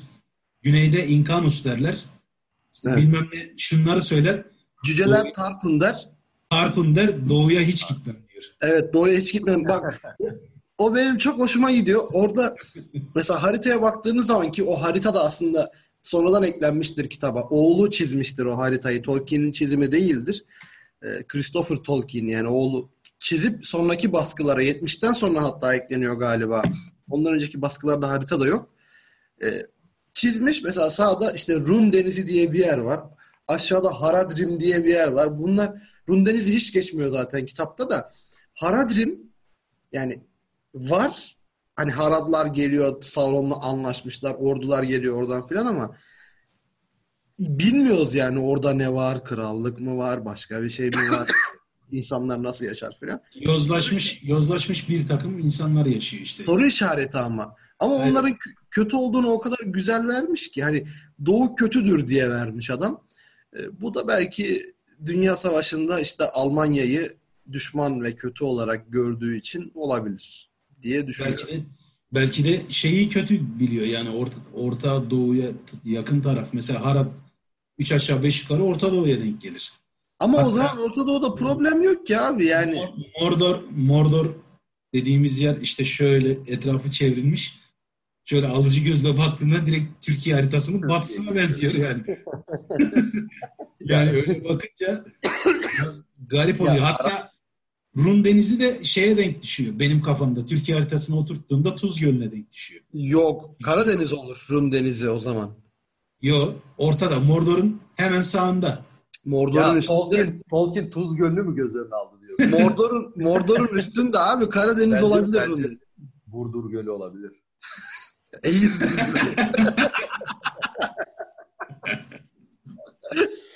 Bu bu, arada- arada Bilmemesi, bilmemesi bence imkansız çünkü zaten çok gezen bir adam. Güney Afrika'da falan büyümüş. Orduda görev almış vesaire. Ben tam aksine, tam aksimize onların yani eski toprak dediğimiz adamların daha yaşlıların çok daha iyi bir harita bilgisine sahip olduğunu veya bu işlere çok daha merak saldığını düşünüyorum. Bunu da hemen Türkiye'den şunla örneklendirebilirim. Babalarınızın en sevdiği spordur. Şey derler hemen. Ben işte dünyada 180 ülke var. Ben hepsinin başkentini bilirim. Hemen sayarlar böyle. Şuranınki şura, buranınki bura falan diye. O aslında bir kendini ifade etme biçimi işte ne kadar e, bilgili olduğunu şey yapma biçimiydi. Şu an 50'li, 60'lı, 70'li yaşlardaki hemen hemen tanıdıklarınızın büyük bir çoğunluğuna bakın. Ülkeler ve başkentleri hakkında bilgi sahibidirler. Sahip, bu konuyla ilgili bilgi sahibi olmayı da böyle ayrı bir gurur vesilesi olarak taşırlar. Doğru katılıyorum çünkü yani eski insanda e, ufuk fiziksel ufuktu aslında. Ya Şu, şu anda mesela hiçbirimizin şey e, ufukta coğrafi olarak yani fiziksel olarak ufukta ne olduğu ile ilgili bir merakımız falan yok. Bizim meraklarımız şu anda daha zihinsel ufuklar üzerine. O yüzden dediğin gibi daha eski topraklara doğru gittikçe coğrafya bilgisi de kişinin ufkuyla alakalı bir göstergeydi aynı zamanda. Aynen öyle. Birazcık sulandırdık. Sulandırmışken sulandırmaya devam edelim. Ben, ben iyice sulandıracağım o zaman. Sen şimdi çok, çok güzel bir çok güzel bir anlatıyla Dilşat e, iki kulenin Minas Morgul'la Minas Tirith olduğuna bizi ikna etti. Beni etti. Açıklaması da çok etti. hoşuma gitti. Çıkarım Ama da çok çok da edemedi. Çünkü ben hala ortankçıyım. Ortaklığın siyasi gücü yok. Biz bunları defalarca işledik, söyledik, yazılı da anlattık. Peki sonra oturumun kendi içerisinde neden fikrini değiştirdin? Ben de senin sayende Amerika'nın kuyuyla ipiyle kuyuya inen Orta Doğulu gibi kala kaldım. Ben de tam ikna olmuştum. Şimdi yanlış bilgi vermekten çok haz etmiyorum. Ee, çıkarımım bu yöndeydi. Sonrasında Barat Dur'un son nihai mekan olduğu aklıma gelince yani Sauron'un oturduğu son nihai mekan Minas Morgul'un orada önemi kaybolmuş oluyor ister istemez. Yani aslında Barat Dur'a eklenmiş oluyor Minas Morgul. Evet. Öyle olunca ana evet ana kararı. yani. ana karargahın adını vermek daha mantıklı. O yüzden Barad-dûr dedim. Aslında Minas Morgul desen de çok yanlış olmaz. Çünkü Minas Morgul da o zaman şeyin hükmü altında. Sauron'un hükmü altında. Yani dolayısıyla o kule iki tane birbirine bakan kule. Yani o kule de olmuş olabilir de Barad-dûr demek daha mantıklı. Ana karargah çünkü. Ya senin dediğinde e, Minas Morgul daha simgesel bir kule olduğu için yine akla yatkın. Şöyle yapalım o zaman. Kendi kendi yaptığı değil o düşmandan çöküp alınma. Daha değerli olabilir yani hani o zorla alınma çünkü. Şöyle yapalım o zaman. E, bizi takip eden insanlar da paylaştığımız bir sürü platform var zaten. Oralarda kendi fikirlerini bizimle paylaşsınlar. Onlar Evet. iki kulenin hangi iki kule olduğunu düşünüyor. Birileri bakalım oylayalım iki kule hangisiymiş diye biz karar verelim. Tabii be- öğren, öğreneceğimiz bir şey varsa belki biz de öğreniriz yani. Benim çıkarımım bu yöndeydi. Yani bayağı kule var. Bunların ikili kombinasyonu aldığında bayağı bir seçenek var. Abi yani şu an hızlıca bir araştırma yaptım internette. Çoğunluk benim görüşümde bu arada. Ee, Ortanç, Ortank ve Barattur olduğunu e, insanlar söylüyor. Ben de burada çok güzel bir ikileme düştüm. Sıradanın tahakkümünün ne kadar cazip olduğunu tekrardan burada ispatlamış oldum. Bu arada tabii en yaygın olanın bu olmasının sebebi en yüzeysel yorum olması olabilir mi? Çünkü kuleye en çok ikisi benziyor. Kule deyince akla Evet. kule. Evet, bana yüzeysel dediğin için teşekkür ederim. Bunu uzun zamandır duymamıştım. Uzun, uzun zamandır aşağılanmamıştım. diyorsun. Evet, Ben zamandır aşağılanmamıştım. Topluluk önünde beni aşağıladığın için teşekkür ederim. Ben aslında sana yüzeysel değil, Dilşat'a derin diyecektim. Evet. Yani e, teşekkür ederim. Ama yapacak bir şey yok yani. Tamam. yüzeysel hadi demeyelim de o zaman birinci manasıyla diyelim. Evet. Fiziksel manası ilk aklına gelir. O da ikisi en çok kuleye benzeyen. Ortak ve Barattur. Öyle Evet, görünüyor. hala bu Bu dediğim arada Eren, Eren'in çıkarımında şöyle bir haklılık var. Şimdi bu hemen kitaba hızlıca döneceğim sonra şey yapalım. Urka ile Meri ile Pipin'i kaçırdığında orada iki grup görürüz. Zaten evet. Benim bak, kastetmeye çalıştığım şey de o. Kitap iki kulenin ekseninde dönüyor. Hani Frodo ile Sam bir kuleye doğru gidiyor. Diğer grup ikinci kuleye doğru gidiyor abi. Yani dolayısıyla iki kulenin tabii ben daha böyle etimolojik şeyler yapamayacağım. Yaptım. Aman. Neyse Çünkü, çünkü neden? Çünkü yüzeyselim. Bak Eren ya. şu an Ya anladım. Bizi dinleyenler biraz Eren'i tanıtayım size. Bu muhabbet çok uzun sürecek. Oturumdan sonra da. Şöyle bir mevzu var. Şimdi Uruklar Isengard'dan, Ortank'tan emir alıyorlar. Yani Saruman'dan emir alıyorlar. Verilen emirler çok net. Size iki tane buçukluk işte onlar buçuklukları yani hobbitleri alın. Hiçbir bedeni uzuvlarına zarar vermeden, üzerlerini aramadan, hiçbir şekilde hiç dokunmadan aldığınız gibi getirin. Her iki gruba da bu emir veriliyor. Grupları açıklıyorum. Isengard'dan gelen Urukaylar güneş altında rahat rahat yürüyebilen o filmde gördüğümüz devasa işte kim Boromir'i öldüren yaratıklar Isengard'ın adamları. Saruman'ın ak elini taşıyanlar. Bir de orklar var. Standart orklar. Bunlar da Sauron'un uşakları. Bunlar şeyden geliyor. Barad-dûr'dan geliyor. Direkt Mordor'dan geliyorlar. Hatta sürekli orada şey muhabbete geçer. Biz Lugburz'dan geldik. Lugburz'un Buradan geldik. Heh, Lugburs, Orkça'da Barad-dur yani Mordor demek. o iki kuleyi de orada başlıyor aslında tasvir etmeye yani. Şimdi iyiler arasında şeyde çekişme olmuyor. Çok az olur. Biraz romantik bir kitaptır şey. e, Yüzüklerin Efendisi. İyiler hep genel itibariyle son noktaya kadar böyle direnseler de genelde birbirlerine şey verirler, destek verirler. Çünkü ortak düşman bellidir. Ona karşı yapılması gereken bellidir. Birileri kendi kişisel çıkarları uğruna piyasaya çıkıp saçma sapan davranışlar yapsa da birisi gelip Gandalf gibi birisi gelip kulağını çekip saçma sapan konuşma ortak düşmanımız belli deyip onu bir hali yoluna koyar, hizaya sokar. Ama kötüler arasında durum böyle olmaz. Aslında orada bir iki kule çekişmesi vardır. Eren orada haklı. Şöyle, Ortank'taki Saruman kendi hesabına çalışmak istiyor. Yüzükten Gandalf dolayısıyla haberdar ve böylece şey yapıyor. Ee, kendi adamlarına emir veriyor.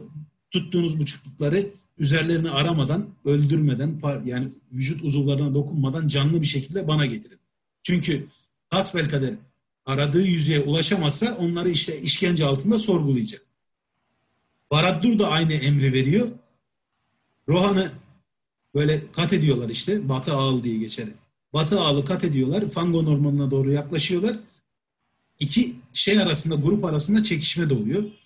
Urukaylar ve standart orklar arasında. Hatta filmden hatırlarsınız. Ne ekmek, işte ne yemek. Üç gündür kurtlu ekmekten başka bir şey yemedik. Dinlenmedik falan diyorlar böyle.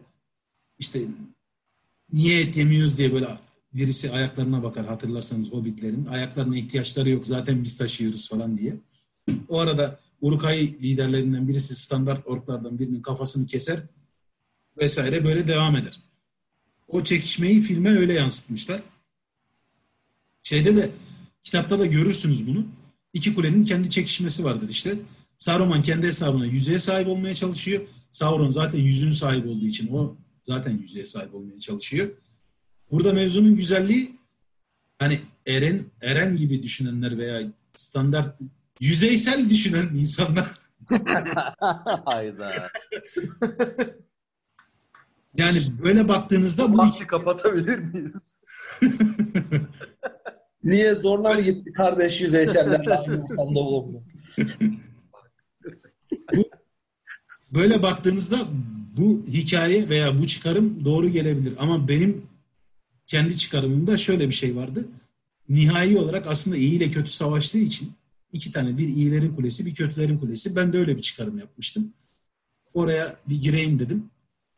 Ve en son olarak da e, Fangorn ormanına dalan şeyler e, bizim hobbitler işte biraz önce Erhan bahsetmişti size. Orada filmde Gimli'nin güzel bir şeyi var, repliği var. Fangorn'u akıllarını mı kaybetmişler diye böyle bir kişi var. Fangorn hikayeler anlamında bilinir. Ee, girilmemesi gereken özel bir bölge. İşte içeride ağaçlar canlıdır vesaire. Böyle kitapta da uzun uzun verir bunu. Fangorn hakkında herkes uyarılır. Gimli de şeylerden çok korkuyor. Böyle yerlerden çok korkuyor. Hiç de sevmiyor. Legolas seviyor ama Gimli hiç sevmez. Orada böyle bir sahnesi vardı. O aklıma gelmişti. Buradan artık Erhan'a devrediyorum. Erhan sendeyiz. Erhan bir sürprizim var demişti. Çok merak ediyorum ne Evet. olduğunu. Sürprizi- Abi sürpriz o anket çağrısıydı zaten. Ha. Pek de sürpriz değilmiş. Şaşırmadım. Şaşırdım. keşke, keşke o an anlayabilseydik. ha, o- yani o manadaydı. Hani sıra dışı ya, pek yapmadığımız bir şeydi. Acaba hakikaten- benim yüzeyselliğim sana mı yansıyor artık? Buradan ben bunu Hepimiz düzeysiniz. Hangimiz değiliz? Ya, daha bekleme yapmazsak Bekleme yapmayalım. Ben e, yarıdan hemen önce hikaye çok derin derin de almıştım. Biz Yüzüklerin Efendisi oturumlarını başlamadan önce üçümüz kendi aramızda konuştuğumuzda şunu söylemiştik. Dedik ki biz bu oturumu sadece bir tanesini saatlerce yapabiliriz. Sabaha kadar yapabiliriz. Yani ben biraz uzattım ya az önce. Yani dinleyenler şuna inansın ki ya çok özetinin özeti. Yani zaten rica etmiştim Eren'le Dişat'tan da. Onlar da Biz de aynı şekilde demişlerdi ki ricam şuydu.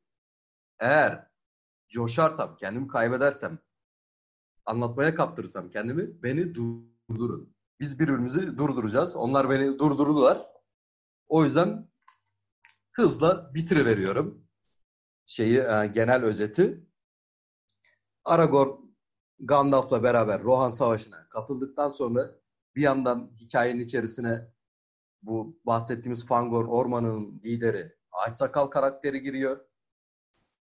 Bir yandan kitabın diğer kısmında Frodo ile Sam Gollum isimli yine muhteşem bir karakterle karşılaşıp Mordor'un işlerine doğru yolculuğa devam ediyor. Yüzüğü atmak üzere.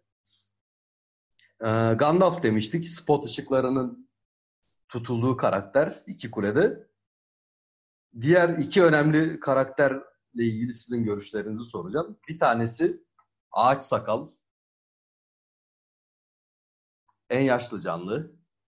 Ee, yani o kadar yaşlı ki bu Entlerin lisanında en kısa bir düşünceyi söylemek bile saatler alabiliyor. Yani dilleri o kadar dallanıp budaklanmış ki ki e, hani en yaşlı olanların ağaçlar olması da olmasını da e, köklerle ve derinlikle ilişkilendirmiş vaziyette. Yani bunu insan kendi anlıyor okurken. Diğer taraftan da e,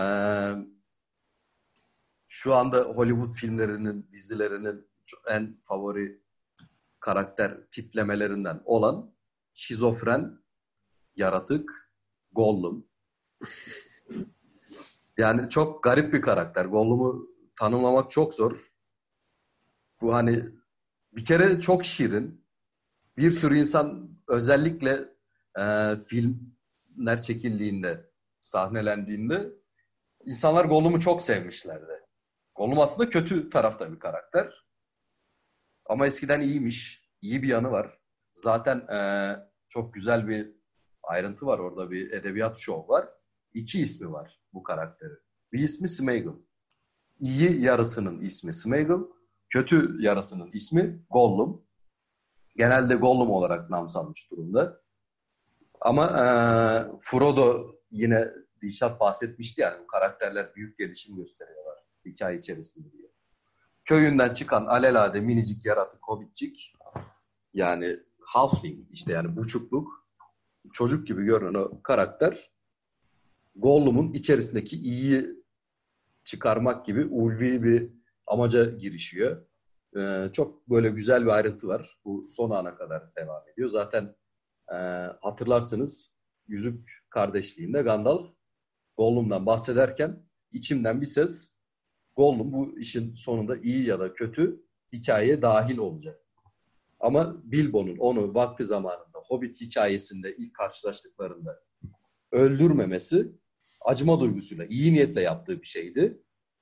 Burada verdiği mesajı da ben çok seviyorum. Ee, iyi niyetle yapılmış bir eylemi çok da fazla denetleyip kısıtlamamak, yönlendirmemek lazım. Çünkü e, yani iyi niyetin sonu iyiye çıksa gerekir dünyadan, adaletten beklenen budur. Ve sonunda hikayenin en sonunda da hani spoiler meselesini de bu hafta çok konuştuk. Yüzü Gollum sayesinde şeye e, yanarda içerisine atmayı başarıyor. Çünkü Frodo e, yüzüğün sürekli hükmü altında ve yüzüğün öyle bir gücü var zaten. Sahip olanın kalbini çarpıtıyor diyelim. Kendisine sahip olmayı ve güç arzusuna yönlendiriyor. Öyle sakatlayıcı bir gücü var yüzün. Sonunda Frodo'yu her ne kadar iyi niyetle yüzü götürüp yok etme çabasına olsa da tam atma noktasına, karar anına geldiği zaman yüzük Frodo'nun aklını, kalbini çelmeyi başarıp ele geçiriyor ve Frodo yüzük benimdir diyor. Of çok ağır spoiler. Böyle yani içimi yağları eriyor şu anda bu spoiler'ı da verirken aslında yani bütün hikayenin esas amacı olan yüzü yok etmek tam başarısız olacakken Gollum Frodo'nun üzerine atlıyor üçüncü kitapta yüzü almaya çalışırken boğuşmadan ötürü yüzükle beraber yanardağın içine lavların içerisine düşüp Frodo'nun başaramamak üzere olduğu görevin tamamlanmasını sağlıyor. O bakımdan e, kader kavramını Tolkien'in bakış açısı benim çok hoşuma gidiyor. Gollum üzerinden anlattığı kader kavramına bakış açısı çok hoş, hoşuma gidiyor. Zaten karakterin derinliği hani Gollum deyince yüzünüzde gördüğüm ifade gözünden kaçmadı ister istemez. Çünkü konu zaten Gollum'a gelecekti. Siz Gollum konusunu açsanız benim yüzümde o ışık olacaktı. Yani müthiş bir ayrıntı. Ağaç sakal da yine aynı şekilde müthiş bir ayrıntı. İkinize de ayrı ayrı bu soruyu soruyorum. Öncelikle ağaç sakal mı, Gollum mu? Seçtiğiniz hangisi ise de karakterle ilgili siz ne düşünüyorsunuz? Abi ağaç sakal bir kere girdim araya direkt ama Yo, bildiğin ben zaten sen başla diyecektim. ha eyvallah. Niye son sözü sen mi söyleyeceksin? Sıradanlığımın şeyini mi bozacaksın yani? Heyecanlı bir şeyler mi söyleyeceksin hocam? Ye, yerini bil diye. Şimdi şöyle bir durum var. Ağaç Sakal'la Gollum karakter gereği farklı iki yani oluşum diyeyim. Ağaç Sakal'ın bir kere bir Tom Bombadil ile beraber değerlendirilmesi lazım. Yaşlı olan irfan sahibi kişiler olarak görünüyor. İkisi. Tom Bombadil mesela yaşlı olup da umursamayan tayfadan.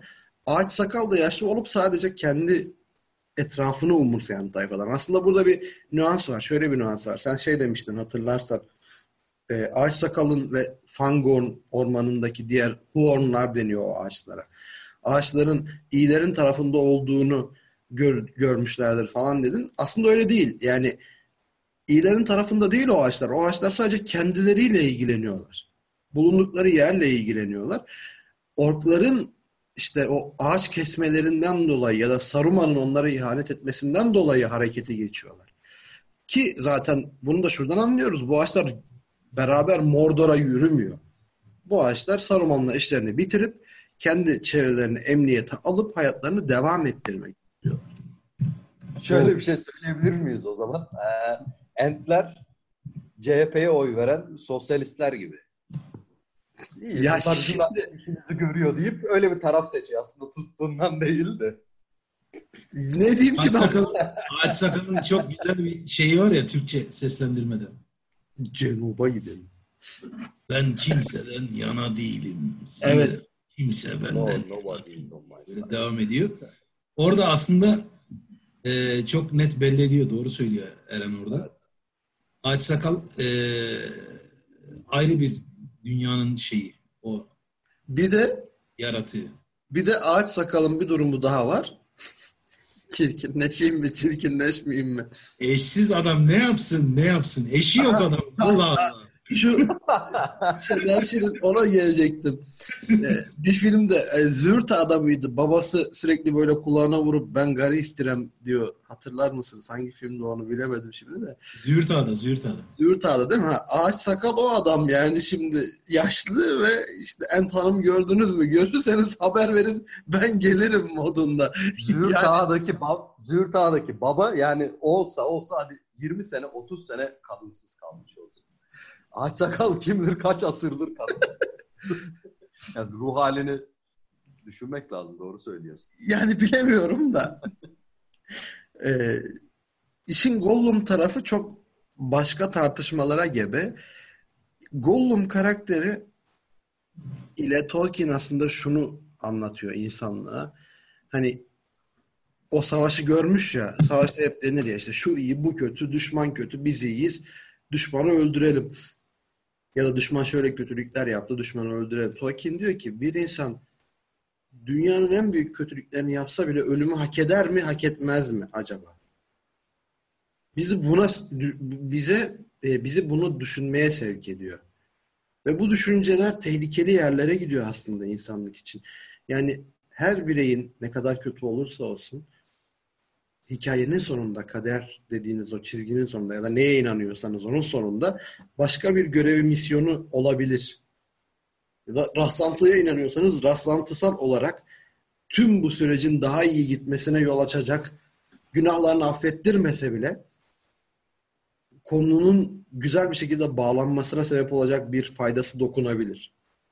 Gollum bunu anlatan bir karakter aslında. O yüzden çok kıymetli. Ama bu yönden çok aşırı katılıyorum. Yani o o kadar incelikle işlenmiş ki o kendiyle tartışmaları var. Mesela Sem kulak misafiri oluyor. İşte iyi bir taraftan, kötü bir taraftan ama kötülük baskın çıkıyor. Ama en sonunda kötülük yapmak isterken Gollum iyilik yapıyor.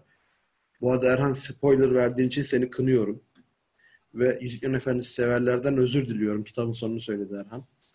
Ee, Kınamak yetersiz daha ağır konuşman lazım. Esefle kınıyorum o zaman. Neyse. Bir şey aklıma geldi bugün. Ee, söylemek... çok ağır oldu. Esefle kınamak da çok ağır oldu. Vur deyince öldürdün sen de yani. ağır konuş dedi. Neyse. Latife yaptık burada. Konu e, şunu söylemek istiyorum. Tolkien çok romantik bir adam. Zaten yazdıklarından da bu belli. Aşk hayatı da romantizm üzerine geçmiş. Zaten mezarında gene kendi yazdığı olan e, Beren ve Luthien diye iki karakter var. Silmarillion'da geçer. Beren bir elf kızıdır. Luthien, şey pardon, Beren bir insan erkeğidir. Luthien bir elf kızıdır. E, yani onların aşk hikayesini anlatır. Kendi mezarların mezar taşlarında da bunlar yazar. İşte Tolkien'de Beren yazar, eşinde Luthien yazar filan. Şuna geleceğim. Konu neden yüzük abi? Çünkü Tolkien şunu düşünüyor. Hani iyi kötü vesaire bunları geçelim. Tolkien şunu düşünüyor aslında. Taktığım bu yüzük benim gücümün büyük bir kısmını bana veriyor gibi düşünüyor. Hani iflah olmaz bir romantizm var bu işin altında aslında. Zaten bu yüzden o yüzüğü alyans olarak nitelendiriyor. Yani dikkat edin yüzükte hiçbir şey yok tanımlarında. Sadece böyle ateşe atınca o yüzük işte bir işaretler veriyor. Yani zor durumlarda o yüzük kime ait olduğunu gösteriyor ya da o insan kime ait olduğunu gösteriyor. Hakeza o yüzük ancak yapıldığı yerde yok edilebiliyor. Yani hani doğduğun ve burada doğumla ölüme bir gönderme var gibi gelmiştir bana. Oldum olası. Yani o yüzüğün gücü ancak öldüğün zaman yok oluyor gibisinden. Hani çok hoş burada nüanslar var aslında. Bir düşünün bence bunu. Ondan sonra tekrar devam edebiliriz. Ben şimdilik söyleyeceğim bu kadar. Ama Gollum konusunda dediklerinin her kelimesine katılıyorum. Onu da ayrıca belirteyim. Çok güzel bir çıkarım yaptın. Benim sen anlatırken benim aklıma da şeyda şanslı kadın düşüncesi geldi. Ee birader. Bu hak edilmiş övünçünü. Sana bahşetmek istedim de. ne oldu sıradan falan diyordun hayırdır? Sana. Ben Eren'den biraz farklı düşünüyorum Gollum konusunda. Yani Eren'in çıkarımından biraz daha farklı bir çıkarım var. Ağaç Sakal'da hemen hemen çok benzer düşünüyoruz. Ağaç Sakal yani Tom Bombadil ile evet eşlenik gibi bir şey. Tom Bombadil Ağaç Sakal'ın sorumsuz ve e, etten yapılmış hali gibi biraz. Ağaç Ama daha güçlü bir de öyle bir durum var. Yani her yüzüğün de hükmü yok. Ağaçlara da hüküm geçirebiliyor falan fıstık. Yani öyle bir enteresan bir yaratık. Evet. Tom Bombadil yani farklı. Bunların tabii birbirlerine eşlenik tutulmaları işte güneşin altındaki ilk yaratıkları, ilk canlılar neredeyse bu ikisi. Yani hatta filmde çok güzel bir mevzu var. Ağaç sakal Gandalf'ı görünce işte şey diyor ya Gandalf genç efendi hoş geldin falan diyor. Evet. Gandalf'a genç efendi falan diyor. Lan böyle Gandalf'a genç efendi diyen işte atıyorum 3000 yaşındaki şeyi e, Legolas'ı hesaba almaz mesela. Atıyorum 3000 5000 yaşında her neyse. Legolas da elf bildiğiniz aslında yani ölümsüz olduğu için kaç bin yaşında bilmiyorum yani bayağı yaşlı. Ee, şeyler falan insan ömrü Aragorn falan filan hani ağaç sakal için orada devam eden küçük bir müsamerenin küçük bir parçası yani. Aragorn 280 yıllık, 300 yıllık veya Numenorluların sahip olduğu o azami insan yaşı 500 yıllık yaşta olsa ne olacak yani? O yüzden ağaç sakal pek bir kale almaz bu durumları. Bir sürü çağrışım yaptı kafamda Erhan'ın girizgahı. O yüzden hızlı hızlı geçeceğim. Ent lisanı mesela çok çok enteresan. Benim kafamda e, böyle enteresan şeyler çağrıştırmıştı. Niye diyeceksiniz? Ağaçların yaşlanması ya da ağaçların, ağaç sakalın, entlerin yaşlanması bizim bildiğimiz anlamda bir şey, bir zamanı ifade etmediği için konuşmanın ne kadar uzun olduğu da herhangi bir şey ifade etmiyor dilin ne kadar ağdalı, ne kadar uzun, ne kadar işte zaman alıcı bir dil olduğu bir şey ifade etmiyor. Ama kitapta şey mevzusu var.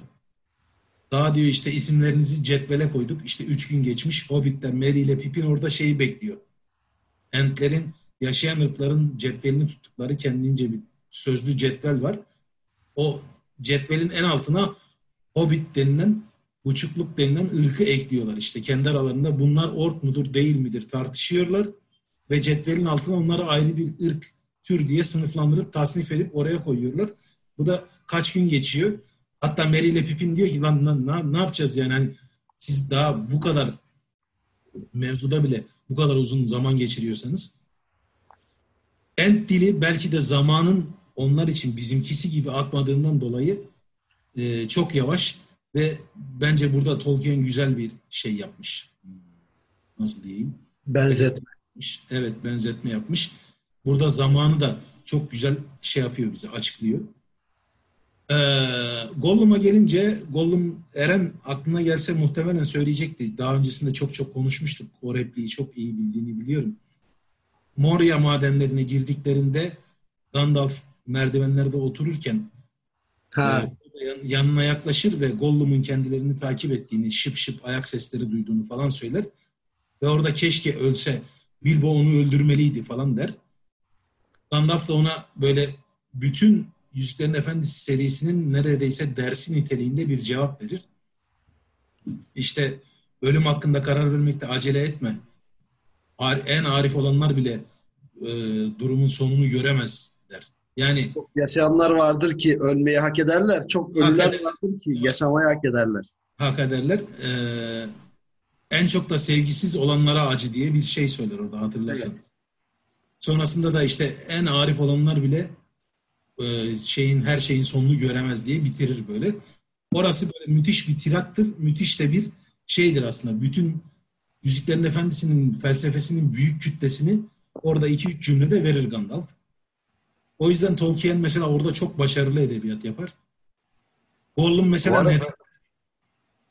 Devam Bir et. şey söyleyeceğim. Bu tirat şey e, filmde Moria'da geçiyor ama e, şeyde kitapta şairde Evet şairde Evet, evet, evet. şairde geçiyor. Öyle bir Ben herkes var. herkes söyle bildiği için hani filmden direkt örnek verdim Moria madenlerinde olduğu için. Yani, yani şey filmde oraya atması mantıklı zaten çünkü e, şey görsel olarak Gollum Gollum daha orada- görünmedi. Evet. Evet o gözler bir çift göz olarak görünüyor. e, Aynen. öyle olduğu için Gollum'un bahsinin ilk Moria'da geçmesi filmde e, ziplenmiş bir hikayeydi. Gayet normal. Ee, Gollum'da şöyle bir şey var. Gollum doğuştan kötü değil. Ve Bilbo Baggins işte Gollum'u acıyor mesela. O yüzden öldürmüyor onu. O şey Hobbit hikayesini daha önce söyledik. Buraları anlattık daha önce. Ama şöyle bir durum var. Mesela e, bu romantiklik burada belki de Eren'in dediği o iflah olmaz romantiklik burada devreye giriyor. Nedensel kötü kötü olduğu için Gollum yüzük onu değiştirdiği için şey bizi e, Tolkien bizi ister istemez Gollum'un bakış açısına, açısına da sürüklüyor. Yani ona empati yaptırtıyor bize. Nasıl yaptırtıyor bu empatiyi de? Bilbo Baggins ve Frodo üzerinden. Onu nasıl yapıyoruz? Filmde çok arkadaşlar yani bir, bir sürü izleyen arkadaşların hepsi şey yapmıştır. Sen mesela Gollum'a karşı ciddi bir acımasızlık sergiliyor. Ama Frodo hep ona daha yakın. Çünkü yüzüğün getirdiği yükün Frodo farkında. Bu da şeyi gösteriyor bize. Damdan düşenin halinden damdan düşen anlar. Yani Tolkien çok uygun davranmış bu duruma. Sam şeyi bilmiyor. Yüzüğün getirdiği ağırlığı, o kalbe verdiği kasveti, iç sıkıntısını, o iç hesaplaşmaların hiçbirisini bilmiyor. Ve bu yüzden Gollum'a çok kötü davranıyor. Ama Frodo öyle değil. Frodo o yüzüğü takmanın ne demek olduğunu biliyor. Güç isteminin, yüzüğün şeyi nasıl zehirlediğini, insanın kalbini nasıl zehirlediğini çok iyi biliyor. Ve filmde de, kitapta da defalarca gözümüze sokuluyor bu. İşte Bilbo Baggins Gandalf'a uzatır yüzüğü. Gandalf saçmalama beni şey yapma der. Sonra Frodo uzatır. Yine aynı şey. Frodo yüzüğü Galadriel'e uzatır. Yine aynısı. Frodo yüzüğü Aragorn'a uzatır. Aragorn ben bunu yapamam der. Hatırlarsınız o Karadras geçidinde elini büker. Yüzüğü sen al falan dediğinde elini büker. Sen Yok o taşı- şeyde e, filmde e, Karadras'a giderken işte. Yok Kar- Rauros şelalelerinde ta en Ha, son. Rauros Şelalesi'nde özür dilerim. Doğru söylüyorsun. Orada Aragorn Ama aslında Aragorn'un yüzü orada vermiyor kitapta. Veriyor mu onu hatırlamıyorum da orada vermiyor. O biraz şey. Aragorn hiç Hollywood, Aragorn Hollywood, hiç ha? Hollywood mevzusu da Tabii o Hollywood. çalıştığım şey şu. Yani o yüzüğün ağırlığını bilen herkes, onu soyutlayabilen, o soyut düşünceye sahip olabilen, onun nasıl bir ağırlık olduğunu bilen herkes yüzüğü reddediyor. Ama sen bundan bir haber. Biraz da Samwise yani hafiften yarım akıllı olduğu için şey mevzusunda Gollum'la hiçbir şekilde empati kuramıyor ama şey kurabiliyor. Frodo kurabiliyor. Gollum'un nedensel kötü olduğunu biliyor. Yüzüğün onu nasıl değiştirdiğini biliyor. Ona nasıl uzun ve acılı bir yaşam bahşettiğini, güneşten uzak, gün ışığından, karanlıklarda, mağara derinliklerinde. O yüzden yine bir yazın başarısı, Tolkien'in müthiş başarısı. Bence Tolkien orada tabiri caizse, özür diliyorum burada teşbihte hata olmasın, okuyucuya eşek gibi Gollum'la empati kurdur- kurduruyor.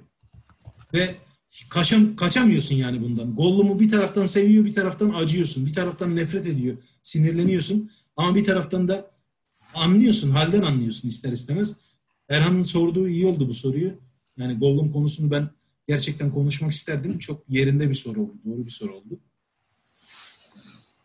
Benim eklemek istediğim bir karakter daha var. Bence ilmek ilmek örülmüş ve hikayenin sonunda çok güzel bir noktaya devam ediyor. Ee, Faramir karakteri. Mesela filmde çok ezilmiş, çok aşağılanmış ve çok aptalca bir halde bürün, hale büründürülmüş bir karakter ama kitapta aşırı bilge, hakikaten çok böyle karizmatik ve hani çok etkili bir karakter. Bütün kitapta Gandalf'a eşlenik tutulan tek karakter. Hatta birisi şey diyor ona bakınca Gandalf'ı görüyorum diyor. Frodo Evet. olabilir. Sen de Gandalf'ın şeyini görüyorum, ışığını görüyorum diye. Arifliğini Arifliğini aynen öyle. Yani o Gandalf demek kitapta neredeyse en tap nokta tanrı sınıfında bir adam Gandalf. Ve Faramir de o ışığı, o irfanı görüyor.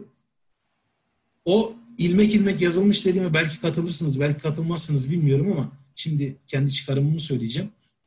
Faramir karakterinin gelişimini, devam edişini, aldığı kararları, sebatlı, istikrarlı oluşunu öyle bir veriyor ki bize Tolkien ve şeye hazırlıyor. Gondor'la Rohan'ın evliliğini hazırlıyor. Faramir'i aslında alıyor, işaret ediyor, ta Eowyn'e götürüyor. Şeyin en sonunda, Evet. hattın en sonunda. O yüzden bunun da çok ciddi edebi bir başarı olduğunu düşünüyorum. Erhan biraz önce şeyini verdi. İşte Rohan'ın ırk Eorloğulları denir Rohan'a. Daha kuzeyden gelen sarı saçlı Numenorlulara nazaran daha alt soya sahip olan daha az asalete sahip olan bir ırk ama mertlikleri, doğrulukları, dürüstlükleri, savaştaki yiğitlikleri vesaire dillere destan ki tabiri caizse Gondor'un da kıçını kurtaran yani tabiri caizse değil direkt böyle benim için Rohan'dır yani. Bütün kitapta şeyin yükünü çeken, savaşın en ağır yükünü çeken Rohan'dır. Gondor'a, Minas Tirith'e falan saldırırlar da o iş hikaye.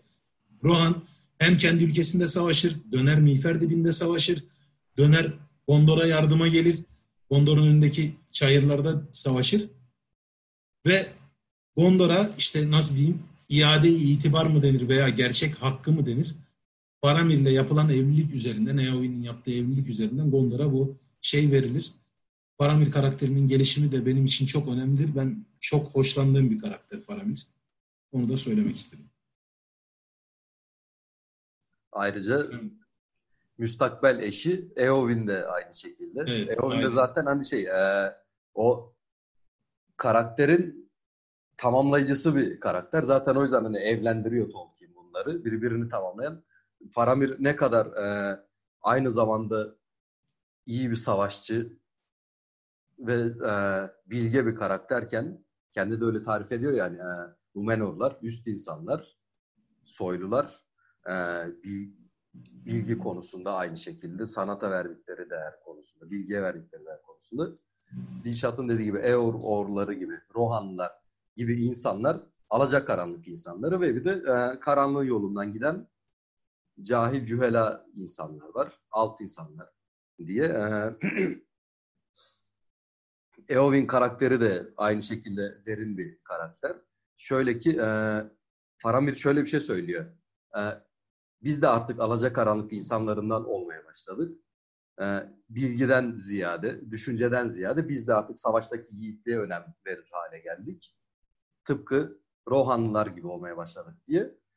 Evlendiği kadın Eowyn de diğer taraftan yani o kadar kendini gerçekleştiremeyecek kadar bir hapis içerisinde sıkışmış durumda ki şanı, şöhreti yani e, bir iz bırakma, bir dikili ağacı olması umudunu ölüme bağlamış durumda. Ancak savaşta ölerek kendi hayatıma bir mana kazandırabilirim diyecek kadar e, umutsuz hale gelmiş durumda. Dediğin ne ben de katılıyorum. E, çok güzel bir evlilik. Bayağı sosyolojileri evlendiriyor. Karakterleri evlendiriyor. evlendirirken. Sen bir şey söyledin. He. Ağaç sakalı Tom Bombadil'in bir eşleniği olarak gördüğünü söyledin. Şöyle bir şey var. Peter Jackson da seninle aynı fikirde biliyor musun? Peter Jackson da bence çok şey bir adam. Bence hikayeyi çok iyi analiz etmiş bir adam. Tamam hani bir Hollywood için film çekiyor falan filan ayrı mesele ama Orası e, şeyi hatırlar mısın? Tom Bombadil ile Hobbitler şeyde karşılaşıyorlardı. Ee, yaşlı Söğüt iki Hobbit'i şey yapıp sıkıştırdığı zaman, içine alıp sıkıştırdığı zaman Tom Bombadil gelip orada bir şarkı söyleyip Söğüt'ü sakinleştirip Söğüt'e e, söz geçirip Hobbitleri kurtarıyordu. Bu şekilde tanışıyorlardı. Orada e, işte toprak ye, derinleri kaz, su iç, işine bak diye Söğüt'ü def ediyordu. Hani e, hep eleştirdik ya Peter Jackson'ı hikayenin içerisine Tom Bombadil'i hiç koymamış filmlerde diye. Aslında dolaylı olarak iki kulenin çıkarılmış sahnelerinin bir tanesinde Tom Bombadil'i repliğiyle şeye koyuyor. Filme koyuyor. O da şöyle ki e, o Tom Bombadil'in repliğini Ağaç Sakal'a veriyor. Bu yaşlı Söğüt'ün Hobbitleri içine alma olayını iki kulede Fangor ormanında gerçekleştirip e, Tom Bombadil'in kurtarmak için kullandığı sözcükleri Ağaç Sakal'a söyleterek Ağaç de Sakal. bir nevi aynen belki de ilk filmdeki aldığı eleştirilerden dolayı eklediği bir sahne olabilir diye tahmin edebiliyorum. Tom Bombadil'i böylelikle dolaylı da olsa hikayenin içine bir şekilde katıyor Peter Jackson'da. Hani e, hep eleştirilir ya hiç koymamış Tom Bombadil o güzel karakter, renkli karakter diye. Bu şekilde aslında koyduğunu da düşünebiliriz bence. mantıklı, güzel bir çıkarım. Yani çıkarım değil aslında evet güzel, dikkat edilen bir şey. Bir tane daha bir, bir şey söyleyeceğim. Sonrasında herhalde yavaş yavaş bitireceğiz. Grimas Olucan değil önemli bir karakter aslında. Filmde her ne kadar böyle Gandalf onu acayip bir azarlamayla azarlarsa ben bu arada filmin Türkçesini çok sevdiğim için ve repliklerin birçoğu aklımda. Rahmetli İstemi Betil'e selam olsun buradan. Selam olsun müthiş seslendirme. Yani bilmiyorum başkası seslendirse öyle olur muydu? Kurtlar Ben- Vadisi'nde Lazia'ydı değil mi? E, Nasıl? evet. Evet. Theoden'e atar yaparken hatta böyle sesi o çatallanıp Lazyalaşıyor bir an için hatta. Evet. Dublajdan harika. Konağımızdaki misafirperverlik oldukça azalmış gibi. Azalmış. Şey diyor Bilbo Baggins. ben Seni söylemeye çalışmıyorum. ben, ben hani genelde biz Türkler dublajda başarılı görünür ya. Evet. Öyle. Bence de öyle. Ee, herhalde Yüzüklerin Efendisi de bu en zirve performanslardan bir tanesi. Bence gerçekten orijinal kayıtlarından daha iyi olabilir. Yani hani Evet. buradan asla geçemezsin mesela.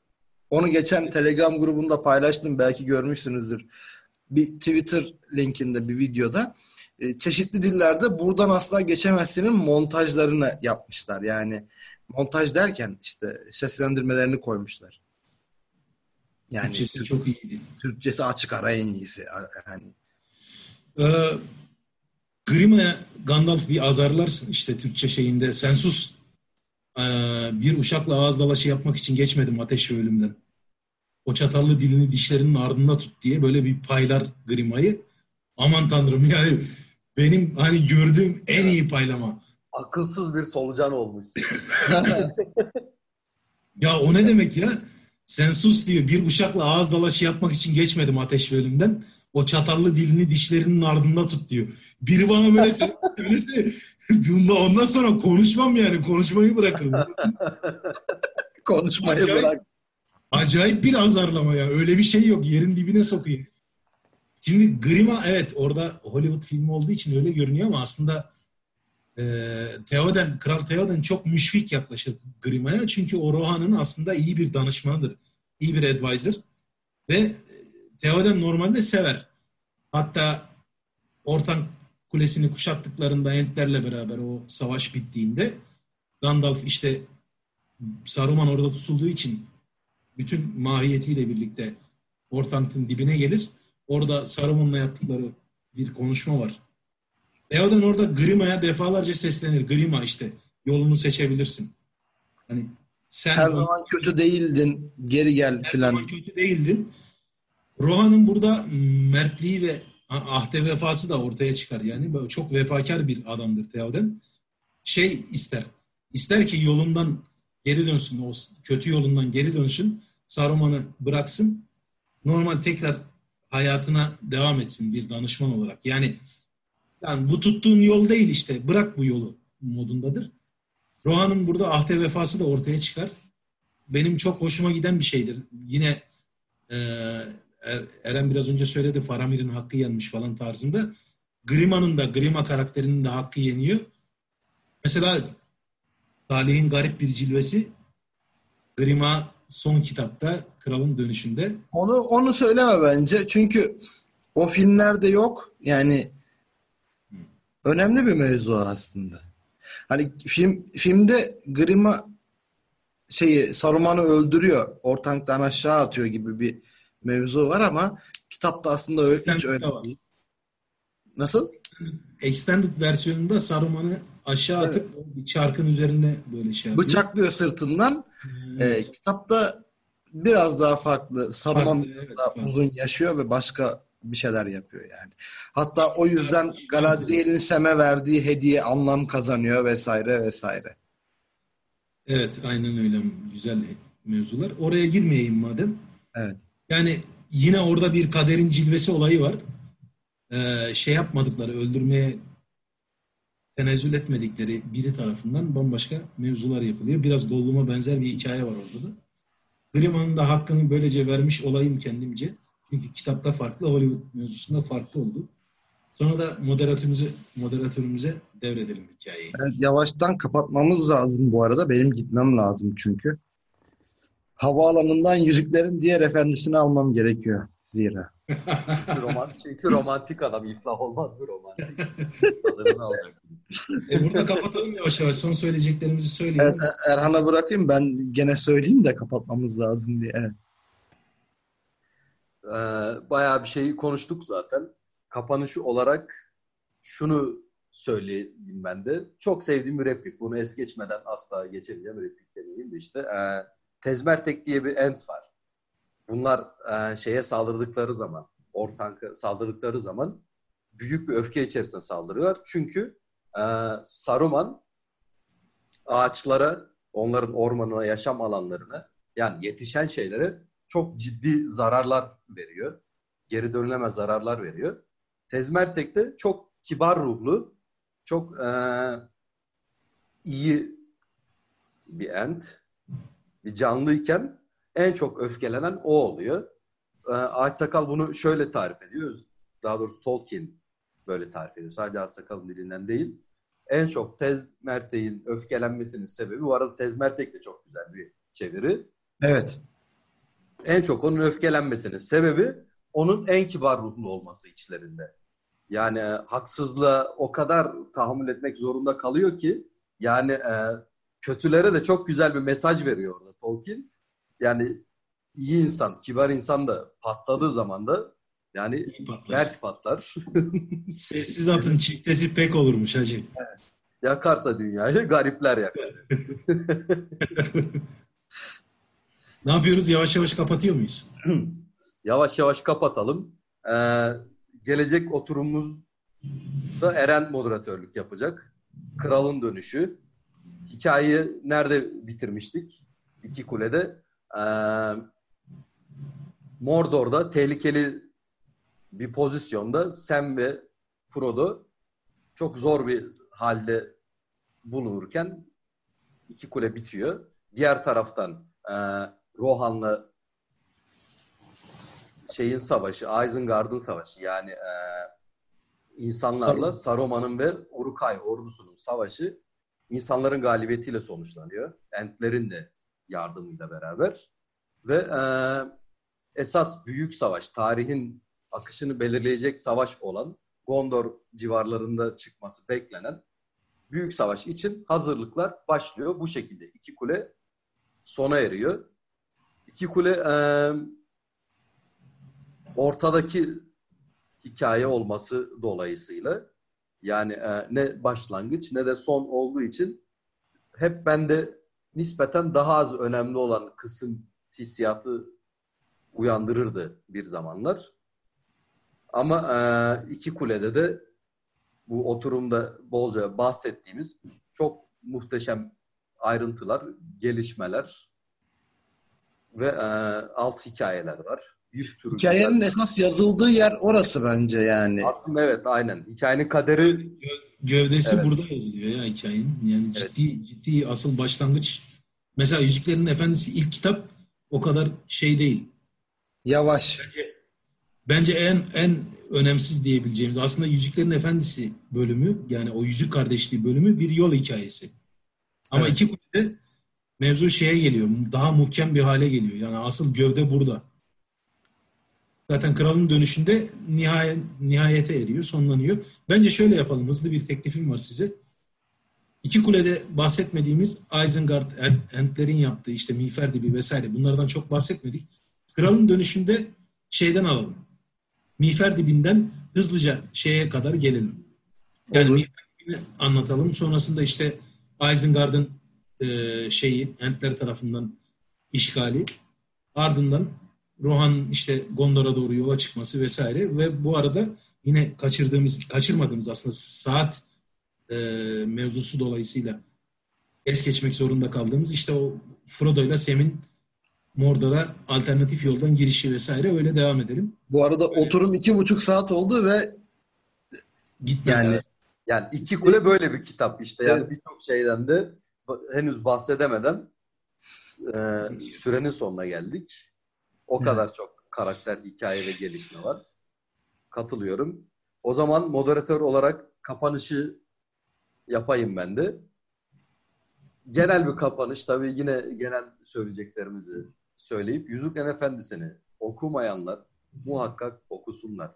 Oturumun başında söylediğimiz gibi yani öyle fantastik falan filan diye hafife almadan önce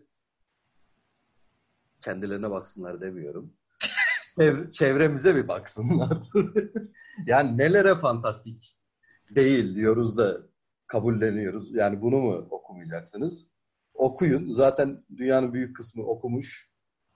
Kalan kısmı da okuyacak ön sözde bahsedildiği gibi.